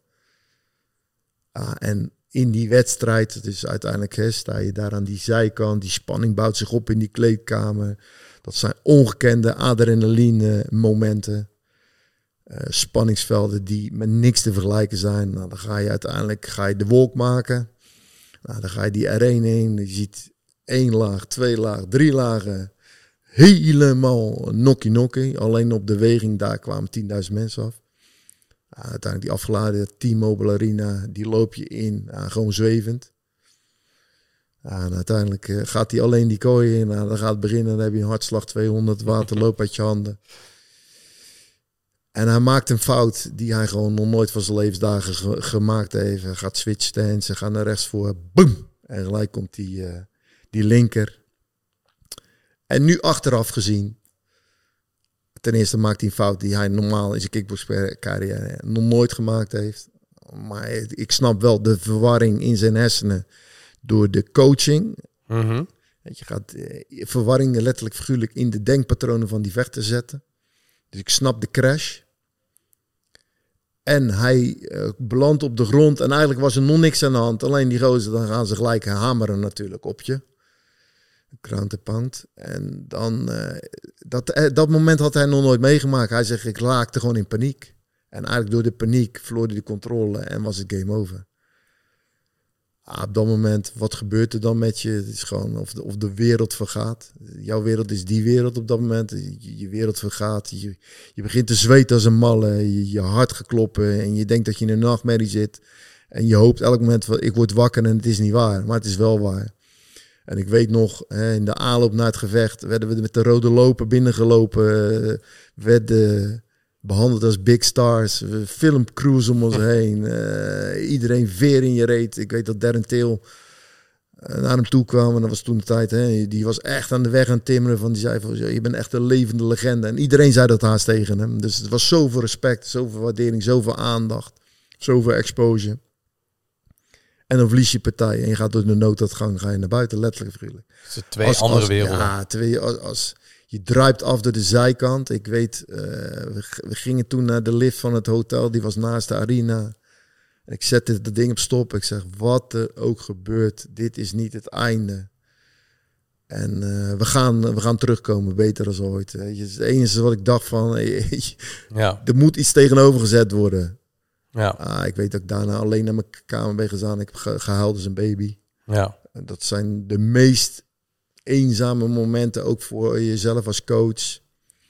En uh, Saki en ook de mensen eromheen hebben een andere persoonlijkheid in de ontlading. Die gaan het juist zoeken in de massa. Ja. En ik ga het juist zoeken in de eenzaamheid. En op dat moment uh, begrijpen we elkaar gewoon echt niet meer eventjes. En dat weet ik ook gewoon, weet je. En ik respecteer ook dat iedereen daar zijn eigen verwerkingsproces in heeft. Mm Dus uh, ja, wat, wat, is de, de moraal van het verhaal? Je beleeft dit soort processen zo intens met elke vezel die in je zit. Dat de, de euforie van een overwinning is heftig. Maar de deceptie van een nederlaag en vooral van een onnodige nederlaag, dat is gewoon uh, de diepste pijn die ik me maar kan uh, imagineren. Dat is dus ja. voor mij, voor mij een, gewoon een periode van depressie bijna die ik uh, ervaar op dit moment. Dat, dat, dat kan best wel lang soort duren. Dat ik de hele tijd die film aan het terugdraaien ben. En ik heb daar lang last van gehad. Echt lang. Omdat ik gewoon niet alleen zijn droom spatte uit elkaar, maar ook die van mij. Tuurlijk, je hebt zelf ja. ook een trainer-coach, heb je ook een droom. Ja. Mijn droom is altijd gewoon exceptionele dingen doen met atleten, de hoogste podia van de wereld betreden. En je wist gewoon dat als hij in zijn kracht was gebleven, als de juiste mensen om hem heen had gehad op dat moment, als Mike een bij, erbij was geweest. Alleen een Mike had zo'n toegevoegde waarde kunnen zijn, hadden we gewoon die wedstrijd gewonnen. En wat was er dan gebeurd? Ja. Je moet nagaan dat uh, Dwayne The Rock, die was gewoon aan het appen met hem. Dwayne die zat zo, tot zover erin bij hem. Die was gewoon helemaal idolaat van deze man. Ja. Die stuurde non-stop berichten, die tagde hem erin. Dus letterlijk en figuurlijk, de hele wereld lag aan ons voeten. En je merkte dat hij soms niet besefte hoeveel opties hij had in zijn leven. Hoeveel potentieel er in hem zat. Bizar. Alleen het is weer ook hè, de les in het leven. Je hebt de juiste mensen nodig. Uh, je dreamteam. Uh, de mensen die daadwerkelijk het beste in jou naar boven kunnen halen. Gebaseerd op je potentieel. Ja. Weet je wel, als je mij wil uh, laten ontwikkelen op dingen. Er zit geen dokter in mij. Er zal nooit een. Weet je, mensen zeggen je kunt alles bereiken wat je wil. Bullshit. Bullshit. Dokter worden betekent zoveel theoretische data in mijn kop stampen. Is niet weggelegd voor mij. Maar ik heb wel andere kwaliteit. Ik ben extreem praktisch ingesteld. Ik heb een talent voor herkennen van kwaliteiten. Ik heb een neus, een instinct voor welke weg we moeten gaan inslaan. Ik, ik heb zoveel dingen gedaan als een pionier. Ik was een van de eerste die met creatine gewerkt. Ik, ik kwam erop door een gast uit de paardensport. Die zei, ik geef het aan mijn remparen. Ik zei, remparen? Hij zei, ja man, fosfaatsysteem opladen. Voor kortdurende klachtexposies, de depot opvoer iets boven normaal. Heb je extra energie, minder snel lactaatvorming. Ik dacht, zo interessant. Ja. Maar ook nog eens vegetariër, dus ik eet geen vlees, geen rood vlees, lage CP-spiegels. Ik ging er proberen. Ik dacht zo, wow, is dit geen doping, jongens? Is dit wel goed, joh? Weet je, ik ben uh, voedingsdeskundige aan en dit. Dus, ja, het is gewoon brandstof wat je neemt. Als ik al merkte wat de effecten waren. Dus ik heb feeling, gevoel voor de richtingen die heen. Ik heb heel vaak wegen ingeslagen. Dan tien jaar later kwam de evidence van ja, dat een hele efficiënte methode is. Ja, ja dacht ik, ja, hè, dat doe ik al tien jaar, vriend. Ja, ja, ja. Ik heb al honderdduizend atleten toegepast. Dus op een gegeven moment is je feeling dusdanig groot voor dat wat je doet, dat je, dat je voelt van het zit op, ik zit op de juiste weg, maar kan niet 100% onderbouwen waarom het werkt. Ja, en dat is eh, en, en, en, dat soort mensen, eh, daar kwam ik eigenlijk op dit verhaal, is eh, je moet bij de kwaliteiten van de persoon leggen en dan kijken hoe je die maximaal tot ontwikkeling. En zitten de beperkingen in, eh, in zijn ontwikkelingsproces? Is het nou daadwerkelijk een beperking omdat hij die tool niet heeft? Of heeft het simpelweg nog niet de juiste prikkels gehad? Ja, Waardoor het tot ontwikkeling zou kunnen komen. En, en daarin eh, met zaken, weet je wel, als hij gewoon betere trainers dat op een moment om hem heen gehad, vooral op vechtsportgebied, dan, had, dan hadden we gewoon in de UFC gekke dingen gedaan. Dan hadden we gewoon echt veel mensen knock-out geslagen, 100% zeker. dat geloof ik ook wel. Ja. Want die gast heeft, die heeft geen fractie eh, kunnen laten zien van wat hij kan. ja, soms is dat zonde, ja, dat het gewoon het leven op details beslist wordt. Ik denk dat heel vaak op details beslist wordt. Op het juiste moment, op de juiste plek zijn, met de juiste mensen. Is de, de, is, als je dan hebt over magic formule, dat is vaak de magic formule. En soms zie je iemand met eh, exceptionele kwaliteiten, dat je je overbaast dat hij niet eh, tot de absolute top wordt. Dat heeft toch vaak te maken met de timing van. En dat hij niet de juiste momenten op zijn juiste pad heeft gehad. Op, op, ja, op het moment supreme dat het gevraagd werd. Dus daarom is altijd mijn eerste vraag aan die topsporter van... nou Ja, hoe ziet jouw dreamteam eruit en waarom? Wat denk jij om nodig te hebben om daar te komen waar je naartoe wil? Ga nou eens dat ideaalpad en ga dan niet denken aan logistieke problemen. Ja, ik woon in Utrecht en die beste zit eigenlijk in Enschede. Nee, ga gewoon eens het ideaalplaatje samenstellen. Hoe ziet dat er dan uit? Daarmee beginnen. Daarmee beginnen. Met de basis, daar komt het eigenlijk weer op ja, neer. ja, Ja. maar ook de juiste mensen met de juiste kwaliteiten om je heen.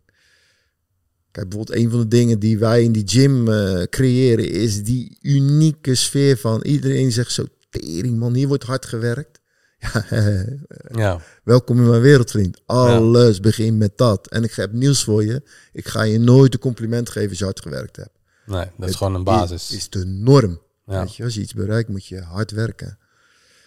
Dus eh, ja, heel veel dingen zijn eigenlijk logisch als je ze zo bekijkt. En waar we het strak ook al over hadden, als je de kunst van simplisme beheerst, maar echt simplisme, simpel denken. Ja, de huidige, de afgelopen coronaperiode heeft toch wel eh, geleerd dat we, dat we dat niet beheersen. We hadden de meest krankzinnige argumenten erbij Ja. waar we ons beleid op verdedigden.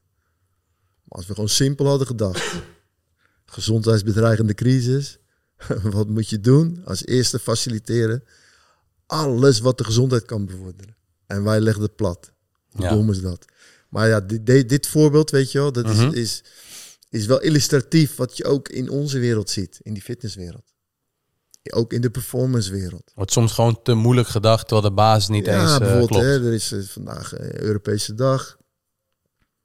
Vanavond is de Europees voetbal. Gisteren hebben we Champions League gehad. Eh, vanavond zijn er een aantal voetballers die moeten presteren op het hoogste level.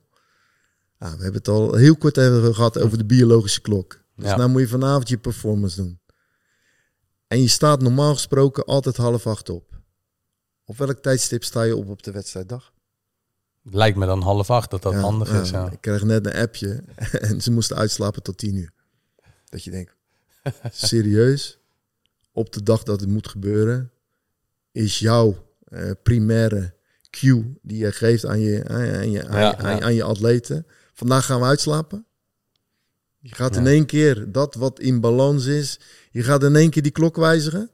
Hebben we wel het jetlag ervaren. Op het moment dat, ik noem wat, stel, zelfs wanneer de klok een uur vooruit of achteruit gaat, hebben we er al last van. Absoluut, heel erg. En dan ga je die Formule 1 wagen, die vanavond moet racen, ga je ineens even anders afstellen? Is dat logisch?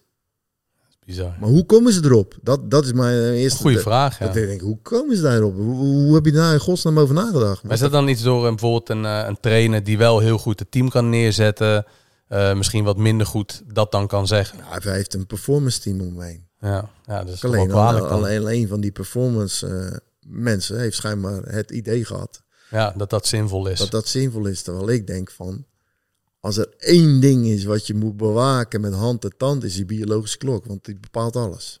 Ja. Alles wordt bepaald door die biologische klok. Ja, je kan het ook heel mooi, dat voorbeeld kun je gelijk al pakken. Van inderdaad, als die klok een uurtje vooruit gaat, ja, dan ben je er toch wel een week eh, ben je uit je ritme. Voor één uurtje al. Ja, ik bedoel, twee uur tijdsverschil eh, vraagt zoveel aanpassingstijd. Dus we weten allemaal, als we door tijdzones gaan, tijdsverschillen van zes, acht uur, dan weten we wat de consequenties zijn. Daar Ja. zitten, Ben je eh, kapot. ja, dus, maar er zitten dagen aanpassing eh, aan vast. Ja. Voordat de biologische klok weer ingesteld is op het nieuwe dag- en nachtritme. Ja. Dus wat heel eh, logisch zou zijn is, dit doe je niet, Ja. maar ze doen het wel. Ja. Nou, dus, dus dan, dan, dat is weer illustratief voor het niet simpel kunnen denken. En eh stick to the basics. Ja, ja, ja, ja, ja. Ja, ik snap het. Ja, de basis, de basis. Ja. Ik zeg, wat is de basis dan voor jou, man? Ja. Ja, en is dat niet eh, ja, gewoon de basistraining, Weet je wel, wij, wij voeren hier hele discussies of de optimale eiwitinname 1.4, 1.6, 1.8. Fuck that. Het gaat erom dat je consistent elke dag die eiwit in dat systeem staan. Denk je nou echt dat het van die 1,6 of 1,8 achterhoudt? Ram er gewoon 2 gram in, man. Maar rond het gewoon mooi af. Ja. Dan zit je gegarandeerd goed. Ja, ge- geloof jij trouwens ook, dat is wel een interessante. Dan, ehm, voordat ik deze vergeet, je hebt natuurlijk ook vegetariër. Ik ben even benieuwd hoe dat is gekomen. Geloof jij in die eh, maximale opname van eh 20 gram, 25 nee, gram per nee. moment? Nee, natuurlijk niet. Nee, natuurlijk niet. Dat sowieso niet. Eh, eerste vraag te beantwoorden, hoe ben je toch gekomen? Ik was altijd een dierenliefhebber, was gek met cavia en konijnen. ik was eh, 14, 15 jaar oud, was bij een vriendje. Zijn vader kwam thuis, die was wezen jagen op konijnen. Die kwam thuis met een plastic doorzichtig zak. Drie konijnen erin, banend in bloed, kogelgaat in het voorhoofd. ik zag dat als jongen, ik dacht, what the fuck? En een uur later zaten ze die dingen op te vreten. Dat was gelijk Ik eh, weet, klaar. ik weet dat ik thuis gekomen ben. Ik zeg, maar ik heb nieuws. Ik ga nooit meer, ik ga nooit meer vlees eten. Ze zegt, waarom niet? Ik vertel het verhaal. Ze zegt, oké. Ah, het was eh, oké. En vanaf dat moment heb ik nooit meer vlees gegeten. Ik kon het gewoon niet meer. Nee. Het, dat, dat beeld van die doodgeschoten konijnen, die gewelddadig om, om het leven waren gekomen met, met kogelgaten voor de bloedbad. Ja, ja. En daarna, daar, hè, het was rond kerst, daarna zitten smikkelen. Het- ik, ik kon er geen hap, ik- het, het kon gewoon niet. Nee. Onmogelijk. Dat is de enige reden dat ik vegetariër ben geworden. En toen was je wat jonger. Toen- Ik kan me voorstellen de, dat, dat eh, misschien die problemen als vegetariër die je nu minder hebt. Maar wat waren problemen waar je toen tegenaan liep? Wat niet. om, om een voorbeeld te geven. eh, ik moest militaire dienst in. Ik was vegetariër. Dus waar begon je? Je begon met bivak. Tien dagen eh, overleven. Zo. Sergeant zegt, eh, Kroon, je werd bij achternaam Kroon, jij gaat vlees vreten. Ik zeg nooit. Hij zegt, hoe ga je overleven? Ik zeg, ga overleven, maar op mijn manier. Zei, jij gaat echt een kip slachten. Ik zeg, ga geen kip slachten. Een hele discussie en toen was nog bevel het bevel. eh, wat de meerdere zei, moet je gewoon doen. Eh, ik heb gewoon tien dagen lang eh, op die noodrandsoenen geleefd. En die gasten slachten allemaal kippen en aten het wel. En ik at het gewoon niet. Ik weigerde het gewoon. Heb je hem uiteindelijk wel geslacht of dat niet? Nee, nee, ik heb niet geslacht ook. Ik zei, ik doe het gewoon niet. Het is gewoon principieel. Ik zeg, voor de rest doe ik alles wat je vraagt van me. Maar dit is wat ik niet doe. Dit is Mhm. waar ik voor staan ga.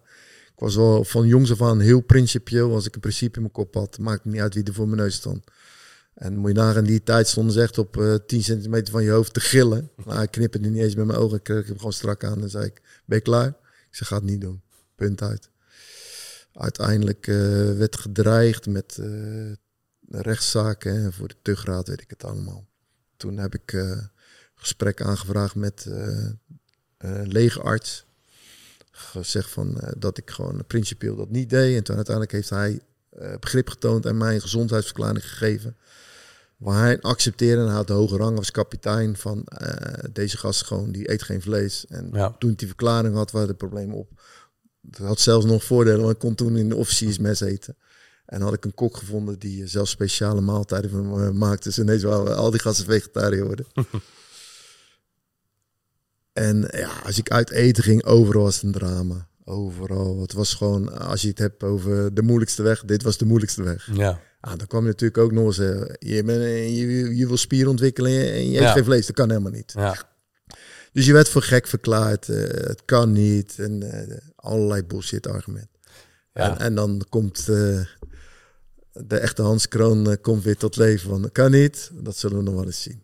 Dan ga je het tegendeel Ja, bewijzen. dan ga ik het tegendeel bewijzen. En blijf ik gewoon bij mijn, mijn standpunt. En eh, daar ben ik voor voor gegaan. En ben met 75 eh, kilo begonnen. En uiteindelijk mijn zwaarste gewicht was eh, bijna 110. Eh, ik had dat ideaalbeeld 50 centimeter arm. En ik haalde de 50 centimeter arm. Ik haalde tot 48 centimeter koud. En eh 50 centimeter met pomp. Eh, ik stond met 200 kilo gewoon series te draaien, te squatten. Ik werd gewoon sterk als een paard. En zonder dat ik paard at. en ja, het was weer het bewijs van... Ik was toen alleen maar gefixeerd massakracht. Maar ik moet wel zeggen... De scheidingslijn tussen eh, dedication en obsessief is een hele dunne lijn. Uh, als ik er nu op terugkijk, was het, was het eh, echt wel naar obsessief eh, toe. Mhm. Maar voor mij was het gewoon discipline. Ja. Zet s'nachts te wekken. Maar er moeten wel degelijk dingen voor eh, gelaten worden. Ja, dit, ik ging onderweg gewoon. Het was gewoon mijn eh, trainen, eten, slapen. Dus is sociaal? Nee, asociaal. Zwaar asociaal. Ik zat toen de tijd gewoon, eh, ik ga, ga me kapot schamen als die verhalen gaan vertellen. Ik had een vriendin. Ik weet nog dat we naar het buitenland gingen. Er was geen gym. Ik werd helemaal gek. En zij moest gewoon als, eh, als overload functioneren. Ik ging gewoon met haar opdrukken. Ik ging handdoeken onder haar doen. Ik ging met haar T-bar rowen. Ik ging emmers vullen met water. Ja, die emmers braken af. Het water stroomde over de vloer. Ik, eh, ik weet nog dat ik een rek had eh, gevonden in de douche. Dacht ik, hem mooi optrekken. Ik sprong naartoe, ik trek die hele stellage uit het plafond. Ja, ik was gewoon onhandelbaar omdat ik niet kon trainen. Ik werd gewoon helemaal gek in mijn hoofd. Het kon gewoon niet zijn dat mijn routine verstoord werd. Ik weet de Dominicaanse Republiek dat ik geen gym kon vinden. Uiteindelijk een gast op een motor, die zag er heel gespierd uit. Ik zei, waar ga je naartoe? Het gym. Ah, Ik zei, luister, ik ga achterop bij je. Ik, ik ga met je mee. Hij zegt, weet je het zeker? Ik had geen helm, ik zat in mijn korte broek, hempje aan. Die gast ging met 200 km per uur. Ik heb doodsangst uitgestaan. Op een gegeven moment begon het te regenen. Ging die van de krant een spartbord maken. Ik dacht, what the fuck? Toen dacht ik wel van, what the fuck? Dadelijk kom ik gewoon te overlijden. Omdat ik zo Ja. nodig naar die gym. Maar uiteindelijk ben ik elke dag met die gozer meegereden. Ja. Dat is bizar. En ik, eh, ik was even benieuwd. Hè. Jij gaf al eerder aan, dat hebben we in deze podcast niet behandeld. Dus misschien net een stukje wat we niet eh, willen aanraken. Bij topsporters eh, zit er altijd veel achter de schermen. Ja, Wat hun eventueel belemmert of hun juist motiveert om dat doel te behalen. klopt. Wat zit daar bij jou achter? Dat jij bent wie je bent of bent geworden wie je bent. Wat is jouw verhaal? Ja, ik denk toch wel een hele belangrijke bron, frustratie, dat ik die betaald voetbalcarrière niet eh, gehaald heb. Mhm. Dus die frustratie is een hele belangrijke motivatie geweest. Ik heb een hele, hele, hele sterke bewijsdrang toch wel. Waar komt die vandaan? Ja, dat is een eh, goede vraag. Toevallig heb ik de afgelopen weken met iemand ook al over zitten sparren. En eh, ik heb altijd wel heel vroeg het eh, idee gehad van ik wil geen grijze muis zijn, ik wil bovengemiddeld zijn. Dus grijze muizen heb ik niks mee, dat vind ik ook niks. Ik wil iets exceptioneels doen in het leven. Iets onderscheidend. En eh, als ik iets doe, wil ik er toch wel de beste in zijn. Het hoogst haalbare voor mezelf. Dus die, eh, die innerlijke drive is wel gebaseerd, denk ik, op, op deze ingrediënten. En ook wel een soort eh onverzadigbare honger naar, naar meer. Mooi, ja, mooi. En herken je bijvoorbeeld bij je zoon ook veel? Hè? Die hebben natuurlijk heel, heel close met je zoon. En volgens Dus, mij... eh, eh, met mijn zoon, dat is gewoon of ik naar de jonge Hans zit te kijken. eh, maar dan in. En Wat, wat, waar zou je hem bijvoorbeeld, eh, hè, dat- dat- dat- dat- waarschijnlijk een hele glansrijke carrière heeft hij dan voor zich, maar waar zou je hem voor willen beschermen? valse bescheidenheid, eh, zakelijker zijn. En gelukkig, eh, deze dingen hoef ik niet eens te benoemen bij hem. Hij leert mij zakelijker te zijn. Hij leert mij eh, meer te kijken vanuit eh, sales en, eh, en marketing. Hij zegt ook van, weet je wel, je moet veel meer doen gaan, gaan doen met je workshops, je masterclass. Waarom sta je nu af en toe een kneus te trainen? Met alle respect. Mhm, Ik snap wat je zegt, ja. Hij zegt, waarvoor? Jij moet alleen maar bezig zijn met de bovencategorie. Jij moet alleen maar dingen doen waar je maximaal gebruik kunt maken van je kennis. Dus eh, hij geeft mij eerder tips dan ik hem tips geef. Het enige wat ik tegen hem gezegd heb is, Ga niet zoveel uren draaien door zoals je nu doet, want je gaat een keer het plezier verliezen Ja. in dat wat je doet, puur door de overload aan werkuren. Dus hij is zo'n eh, extreem werkpaard. Soms zie ik hem gewoon om 8 uur starten en staat hij s'avonds om 8 uur nog. En er zit geen verloop in de intensiteit van zijn coaching. Hij staat na 12 uur nog even hard erin te beuken als bij het eerste uur. Ik denk elke keer, waar haalt deze man dat vandaan? Hoe dan? ja. Dus eh, dat, dat is wel, eh, het, is enige wat ik bij hem moest doen, is eh, een beetje remmen en bijsturen. ja. Maar qua inspiratie, qua nieuwe ontwikkelingswegen inslaan, geeft hij me- mij meer tips eigenlijk dan ik hem. Dus ja, jij bent zijn voorbeeld, maar andersom ook een beetje. Ah, 100% zeker. Mooi hoor. Ik haal, Ja. ik haal veel energie uit hem. Als ik, als ik ook gewoon naast hem sta, dan, dan, voel ik gewoon zijn energie. Dan voel ik gewoon zijn ogen. En dan, dan halen we wel het beste in elkaar naar boven. We hebben soms sessie naast elkaar, maar soms dan mixen we ook atleten in elkaar gewoon spontaan. Dan ontstaat er een, eh, een chemie. Dat dit is ongekend level. Soms, soms, ik heb heel vaak gedacht van, als je nou een beetje ambitieuze trainer bent, waarom kom je nooit kijken? Waarom kom je niet eens kijken wat hier gebeurt? Dan denk ik echt dat er unieke dingen plaatsvinden. En nogmaals, voor die trainer eh, doe ik wel bewust een drempel opgooien. ja. Kan ik even bij jou komen kijken? Nee. Dus nee is mijn standaard antwoord. Want als je echt wil kijken, komen kijken, dan neem jij geen genoegen met nee. En 9 van de 10, hoe pimpel je af? Met één keer nee zeggen. ja, dat is toch Dus- klaar. Dus ik geef jou een millimeter weerstand en ja, gelijk af. Ik weet genoeg, heb ik een goede keuze gemaakt. Ja, dat is mooi. Want jij wil niet echt. Luister, ik bij Gold Gym ben 30.000 keer weggestuurd door, de, door dezelfde trainer. 31.000 trainers ook weer. Hij zei, ben je er nou alweer? Ja. Hij gek van jou. Wat wil je nou weten? En toen gaf hij antwoord. Ja. Weet je, dus eh, weerstand is geen reden om het uit de weg te gaan. Nee, weerstand is om te overwinnen. En ik geef vaak bewust weerstand. Om te kijken hoe weerbaar ze zijn, hoe graag ze dingen willen. Ja, ja, dat is mooi. En dan ga je al gelijk de natuurlijke selectie toepassen. Want ik ga niet in elke pannenkoek alles weggeven. Wat denk jij dan? Ja, maar dat is mooi. Want dat, dat is iets wat mensen nu horen. En misschien niet per se alleen personal trainers, maar mensen in, gewoon in het algemeen. Is dat die weerstand, die, die, die zorgt dat het proces gaat beginnen. Tuurlijk. En eh, ja, wanneer je nee hoort, en dan zit er vaak zit er een komma achter. Alleen die zie je niet vaak. Nee, maar. Ja. Dat is eigenlijk een beetje ja, wat er maar gebeurt. weer, kijk, eh, wat maakt je sterker in het leven? Ah, is toch weerstand. Wat maakt je sterker in krachttraining? Overload.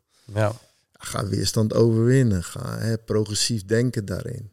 Laat je je tegenhouden door weerstand of laat je je uitdagen door weerstand. Wat doe je met weerstand? ja. Het is, het is, het is, eh, het is ook weer een metafoor. Prachtig En, en, en trainers willen ook daarin, net als die atleten die, hè, die, die, die snel naar de drugspotje grijpt. Ook trainers willen de makkelijkste weg. Dus je wil achter je mobiele telefoon, wil je even een pasklaar antwoord hebben. Ja, ik, ik vind echt, ik, ik krijg tien van deze berichten. per dag. Zo, Ik eh, vind het echt mooi dat werk wat je doet. Ik wil dat eigenlijk ook. Welk boek moet ik lezen? Oh, serieus? Dus jij denkt van als ik jou even die boekenlijst geef, dan komt het allemaal wel goed met jou. ja. Moet het veld in, het eh, actieve Eh, werk verzetten. hoe wil je een betere piloot worden? Ga je op je luie reet zitten of ga je godverdomme vlieguren maken als een man en met een ervaren piloot meevliegen? En hele tijd vragen stellen, waarom doe je dit, waarom doe je dat? Ja, Ga je alles doen om je verdiepen in die vliegkunst? Ja, dit is, dit is- wat wil die trainer nou eigenlijk weten? Hij wil gewoon eigenlijk via zijn Instagram eh, DM'tje even een pasklaar eh, receptje krijgen van oké, als ik het receptje toepas, dan heb ik hetzelfde gerecht als hem. die tientallen jaren ervaring. of, ja. of, of dan, hè, we hebben ook trainers gehad die dan personal training bij komen volgen. En wat gaan ze doen? Ze gaan kopiëren dat wat je doet. En vervolgens zie je al jouw trainingen van A tot Z terug. Met een, met, en ik doe die training met een Olympisch atleet. En jij doet hem absoluut te beginnen. ja, Ja, dat snap jij toch niet. Dus jij bent hier gekomen om te kopiëren in plaats van om te leren. ja, Want ik ga jou vragen stellen. Waarom doe jij dit? Waarom doe je dat? Eh, ik weet het niet. ja. En zolang jij niet elke stap in je proces kan onderbouwen waarom je het doet, ah, dan weet je het echt niet. Dus dan ben je maar wat aan doen. Dus jij charge 50, 100, 150 euro per uur. En je doet maar wat. ja. Wow man, Gedurfd. gedurfd, gewaagd. Ja. ja, er zijn nog, steeds- mensen die het betalen. Maar goed, daar zit ook een stukje dat mensen ook zelf een beetje onder, onderzoek moeten doen. In welke coach heb je? Ga met een coach in gesprek. Mhm. Eh, ja, wat, is, eh, de, wat zijn de ervaringen die, eh, die mensen hebben met die trainer? Wat hebben ze gepresteerd? Natuurlijk zijn opleidingen een mooie basis, maar uiteindelijk gaat het wel om een aantal jaren ervaring en wat hebben ze in die jaren ervaring neergezet. Dus ik denk dat dat ook wel. eh, en, en hoe goed reageren ze, denk ik, op je hulpvraag? Klopt. Ik denk dat je daaraan heel veel kan herkennen. Is wanneer iemand met een hulpvraag komt van ik heb deze vraag, dan kun je aan eh, het antwoord van de wedervragen vaak herkennen. Oké, hij snapt welke vragen hij moet stellen om mijn Ja. probleem op te lossen. En je merkt dat er een klik is, dat er raakvlak eh, gecreëerd wordt. Klopt. Ik denk dat dat heel mooi is. Hey Hans, wat ik nog wilde vragen, wat ik heel interessant eh, vind. Eh, je hebt natuurlijk meegedaan aan de Ramadan. Ja. En eh, dat was volgens mij, was het vorig jaar? Of Vorig jaar, ja. is ook een stukje warmer, lang en licht. Ehm, het is intermittent fasting, maar ehm, toch even net een beetje anders. Uh, degene die mee, meedoen jaarlijks aan de Ramadan, die zullen dat herkennen, want Ja. het is natuurlijk veel minder eerlijk. Het is soort van. Uh, want met intermittent fasting kun je natuurlijk zelf je momenten bepalen. Hè. Dan zeg je ook van, nou ja, wanneer het licht is, ga ik juist eten. Ja. Bij de Ramadan is het juist andersom, dus daarmee ook veel moeilijker. Wat ben jij tegengekomen uh, ja, tijdens de Ramadan uh, van jezelf of van dit principe? Ja, ook uh, de belangrijkste motivatie natuurlijk om sowieso de Ramadan te doen is dat ik heel veel atleten had die de Ramadan doen. Mm -hmm. En ik zag de nadelige effecten van dat. Dus ik was heel sceptisch ten opzichte van het vasten op zichzelf. En ik heb veel respect voor mensen die iets uit geloofsovertuiging doen. -hmm. Dus op een gegeven moment had ik zoiets van: uh, als je dit doet, moet je je echt goed prepareren. Dus ik ben met een groep uh, sporters van mij en zijn we een Ramadan uh, denktank gaan formeren. En heb gezegd van, ik wil met jullie mee gaan doen, volledig de Ramadan. Maar we gaan ons wel voorbereiden. En we gaan een, uh, een proces uitsteppelen, gekoppeld aan hele specifieke levensdoelen en sportieve doelen. En iedereen voor zichzelf moet bepalen wat dat is. Maar we gaan wel het maximale eruit halen. We gaan wekelijks gaan met die Ramadan Denktank in de voorbereiding en ook gedurende Ramadan gaan we in de, tijdens de ITVAR, het moment van de fastbreak, gaan we bij elkaar zitten en gaan we bespreken wat de ervaringen zijn van de afgelopen week en uh, of de gehaalde doelen bereikt zijn. Dat was de insteek. Dus we zijn begonnen met uh, wekenlang intermittent fasting als voorbereiding op de Ramadan en we zijn begonnen met bulk drinken. We hebben een uh, feeding window toen de tijd ingesteld van, uh, van 8 uur en uh, Mhm. een fasting window van 16 uur.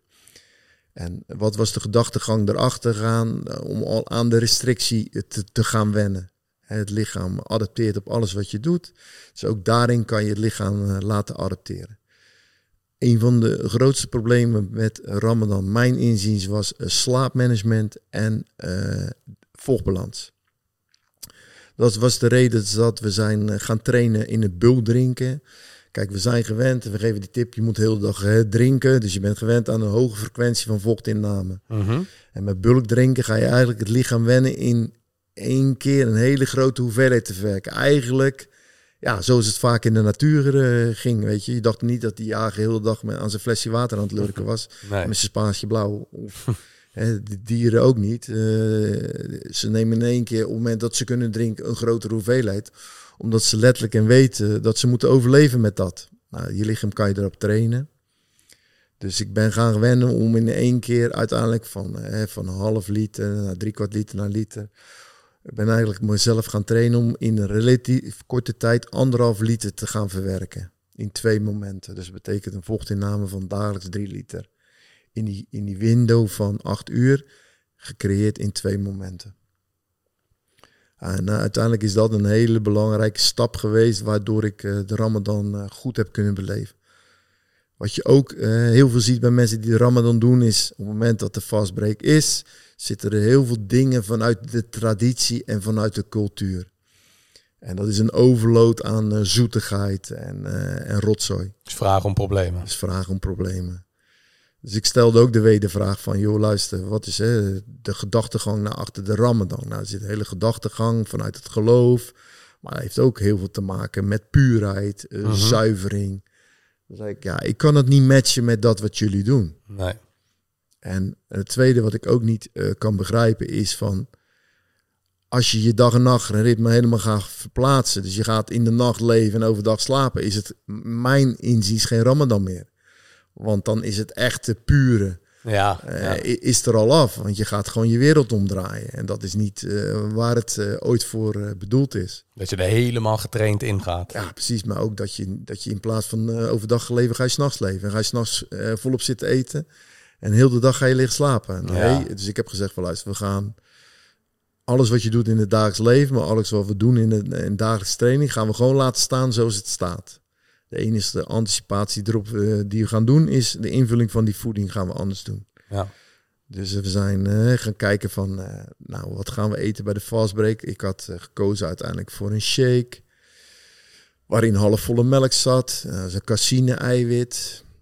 Daar had ik isolaat eh, aan toegevoegd voor snelle eiwitten. Ik had wat snelle suikers eraan gevoegd. Ik had wat advocado voor vetten aan toegevoegd. Ik had het verwerkt in een liter.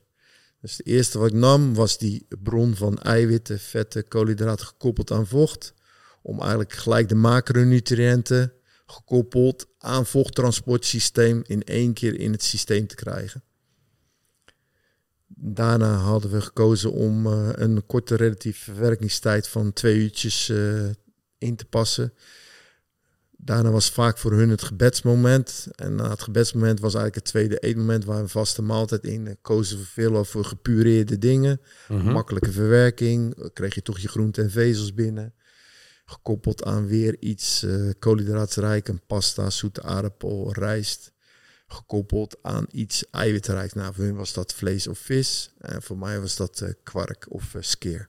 Is dat dan ook eh, voor jou de belangrijkste bron van eiwitinname, zuivel? ten opzichte Ja, van ik ben, vlees? ik ben een lac- lacto-vegetariër. Dus dat betekent dat ik wel melkproducten neem en eieren. Mhm. En inderdaad, eh, kwark eh, en yoghurt is een hele belangrijke bron voor mij, gekoppeld eh, aan die eieren en gekoppeld ook aan eiwitsuppletie. Dus daarnaast neem ik ook een erwten-eiwit als plantaardige eiwitbron erbij. Ja, naast je al je, ja, Ja, je lactose inname, dierlijk eiwit. Ja. Dus wat we eigenlijk met die Ramadan gedaan hebben, is een, andere invulling van, van de timing. Maar wel met bewaking van de macronutriënten die noodzakelijk zijn voor het individu. Dus de afgemeten koolhydraten, eiwitten, vetten. Iedereen heeft een unieke energiebalans. Iedereen Ja. heeft een unieke eiwitbalans of eh, optimale eiwitinname. Dat hebben we wel allemaal ingevuld, alleen eigenlijk in eh, drie eetmomenten. ja, Dus in plaats van hè, een grotere maaltijdfrequentie, had je die fastbreak, vaste maaltijd. En dan in de ochtend nog eens een keer rond vier uur in de klok. ja, precies. En daartussen slaap je dan Daartussen daar, en eh, we hebben afgesproken, weer denkend vanuit de biologische klok. We gaan alles doen om die biologische klok zoveel mogelijk te bewaken. wel. Mhm. Dus dat betekent dat we allemaal rond 11 uur eh, ons, onze slaap gaan inzetten. Ja, En dan eh, s ochtends zet ik er dan om kwart voor vier de wekker. En dan nam ik havermout, noten, zaden, eiwitten. Gekoppeld weer in die, in die vochtbron van een liter. ja, En dan dronk ik nog een half liter erbij. Dan had ik weer anderhalf liter. kwam ik aan de drie liter in die drie eetmomenten. Had ik een behoorlijke invulling van mijn macronutriënten. En de grootste moeilijkheidsgraad eh, die ik eigenlijk vond, was het enigste eh, de verstoring van je nachtrust door het vroeg opstaan. En het daarna weer in slaap komen, dat was eh, iets wat me eigenlijk nagenoeg niet lukte. Met die volle maag en dan die Ja, verstoring. ja. Dus dat, was, dat, dat vond ik de grootste moeilijkheid. Maar wat ik eh, aan winst ervaarde, ik voelde me zo energiek. Extreem goede focus, vooral dat. Dat, dat ik elke dacht van wow, die focus joh. Alles was letterlijk en figuurlijk zo helder de hele dag. Dat ik gewoon perfect kon, functioneren in mijn coachingwerk. Ik eh, deed gewoon een vier in mijn krachttraining, gaf volle bak. Mijn kracht bleef gewoon op peil. Mijn stijl was gewoon goed. Eh, ik werd ietsje droger om te zien. Spiermassa bleef gewoon intact. Kracht bleef intact. Energiepeil bleef inta- intact. En eigenlijk zijn zo heel de Ramadan-periode super stabiel gebleven. ja, Focus werd steeds dieper en intenser. Dat ik dacht, dan, wow man, dit doorbreekt al mijn mythes in mijn hoofd. Van eh, je moet dit, je moet eh, om de drie uur je eiwitten pakken. Eh, maaltijdsfrequentie 4, 6, eh, noem alles maar op. Eh, na de training, de anabolic window moet ingezet worden, eiwitsynthese, backcurve nodig, bla bla bla bla. Ja. Eigenlijk was er niks aan de hand. Sterker, nog, je bij de ster- basis. sterker nog, na die vier weken, iedereen zei, wow, het ziet er goed uit. Mijn gezicht was helder. Ik zag verschil in mijn huidkwaliteit. Het lichaam zag gewoon strak goed uit. Dus door, eigenlijk komt dat dan meer door minder eh, eetfrequenties eh, op een dag toe te passen. het is heel simpel, weet je.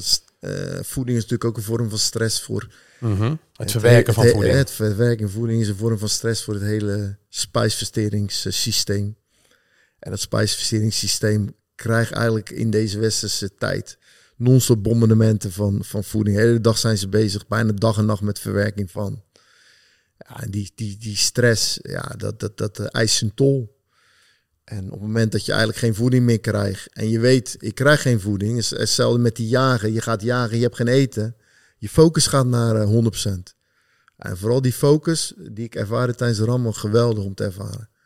Dus ik ben daarna eigenlijk super positief geworden over eh, de positieve aspecten van, van het vasten. Mhm. En ook niet meer heel de dag bezig zijn met eten, maar gewoon met leven. Eh, de verbinding die het gaf met de mensen om je heen. Verbinding, vertrouwen, veiligheid. Het, het kunnen delen van. Ik merkte, hè, ik train natuurlijk al heel lang, werkte heel veel met moslimmensen.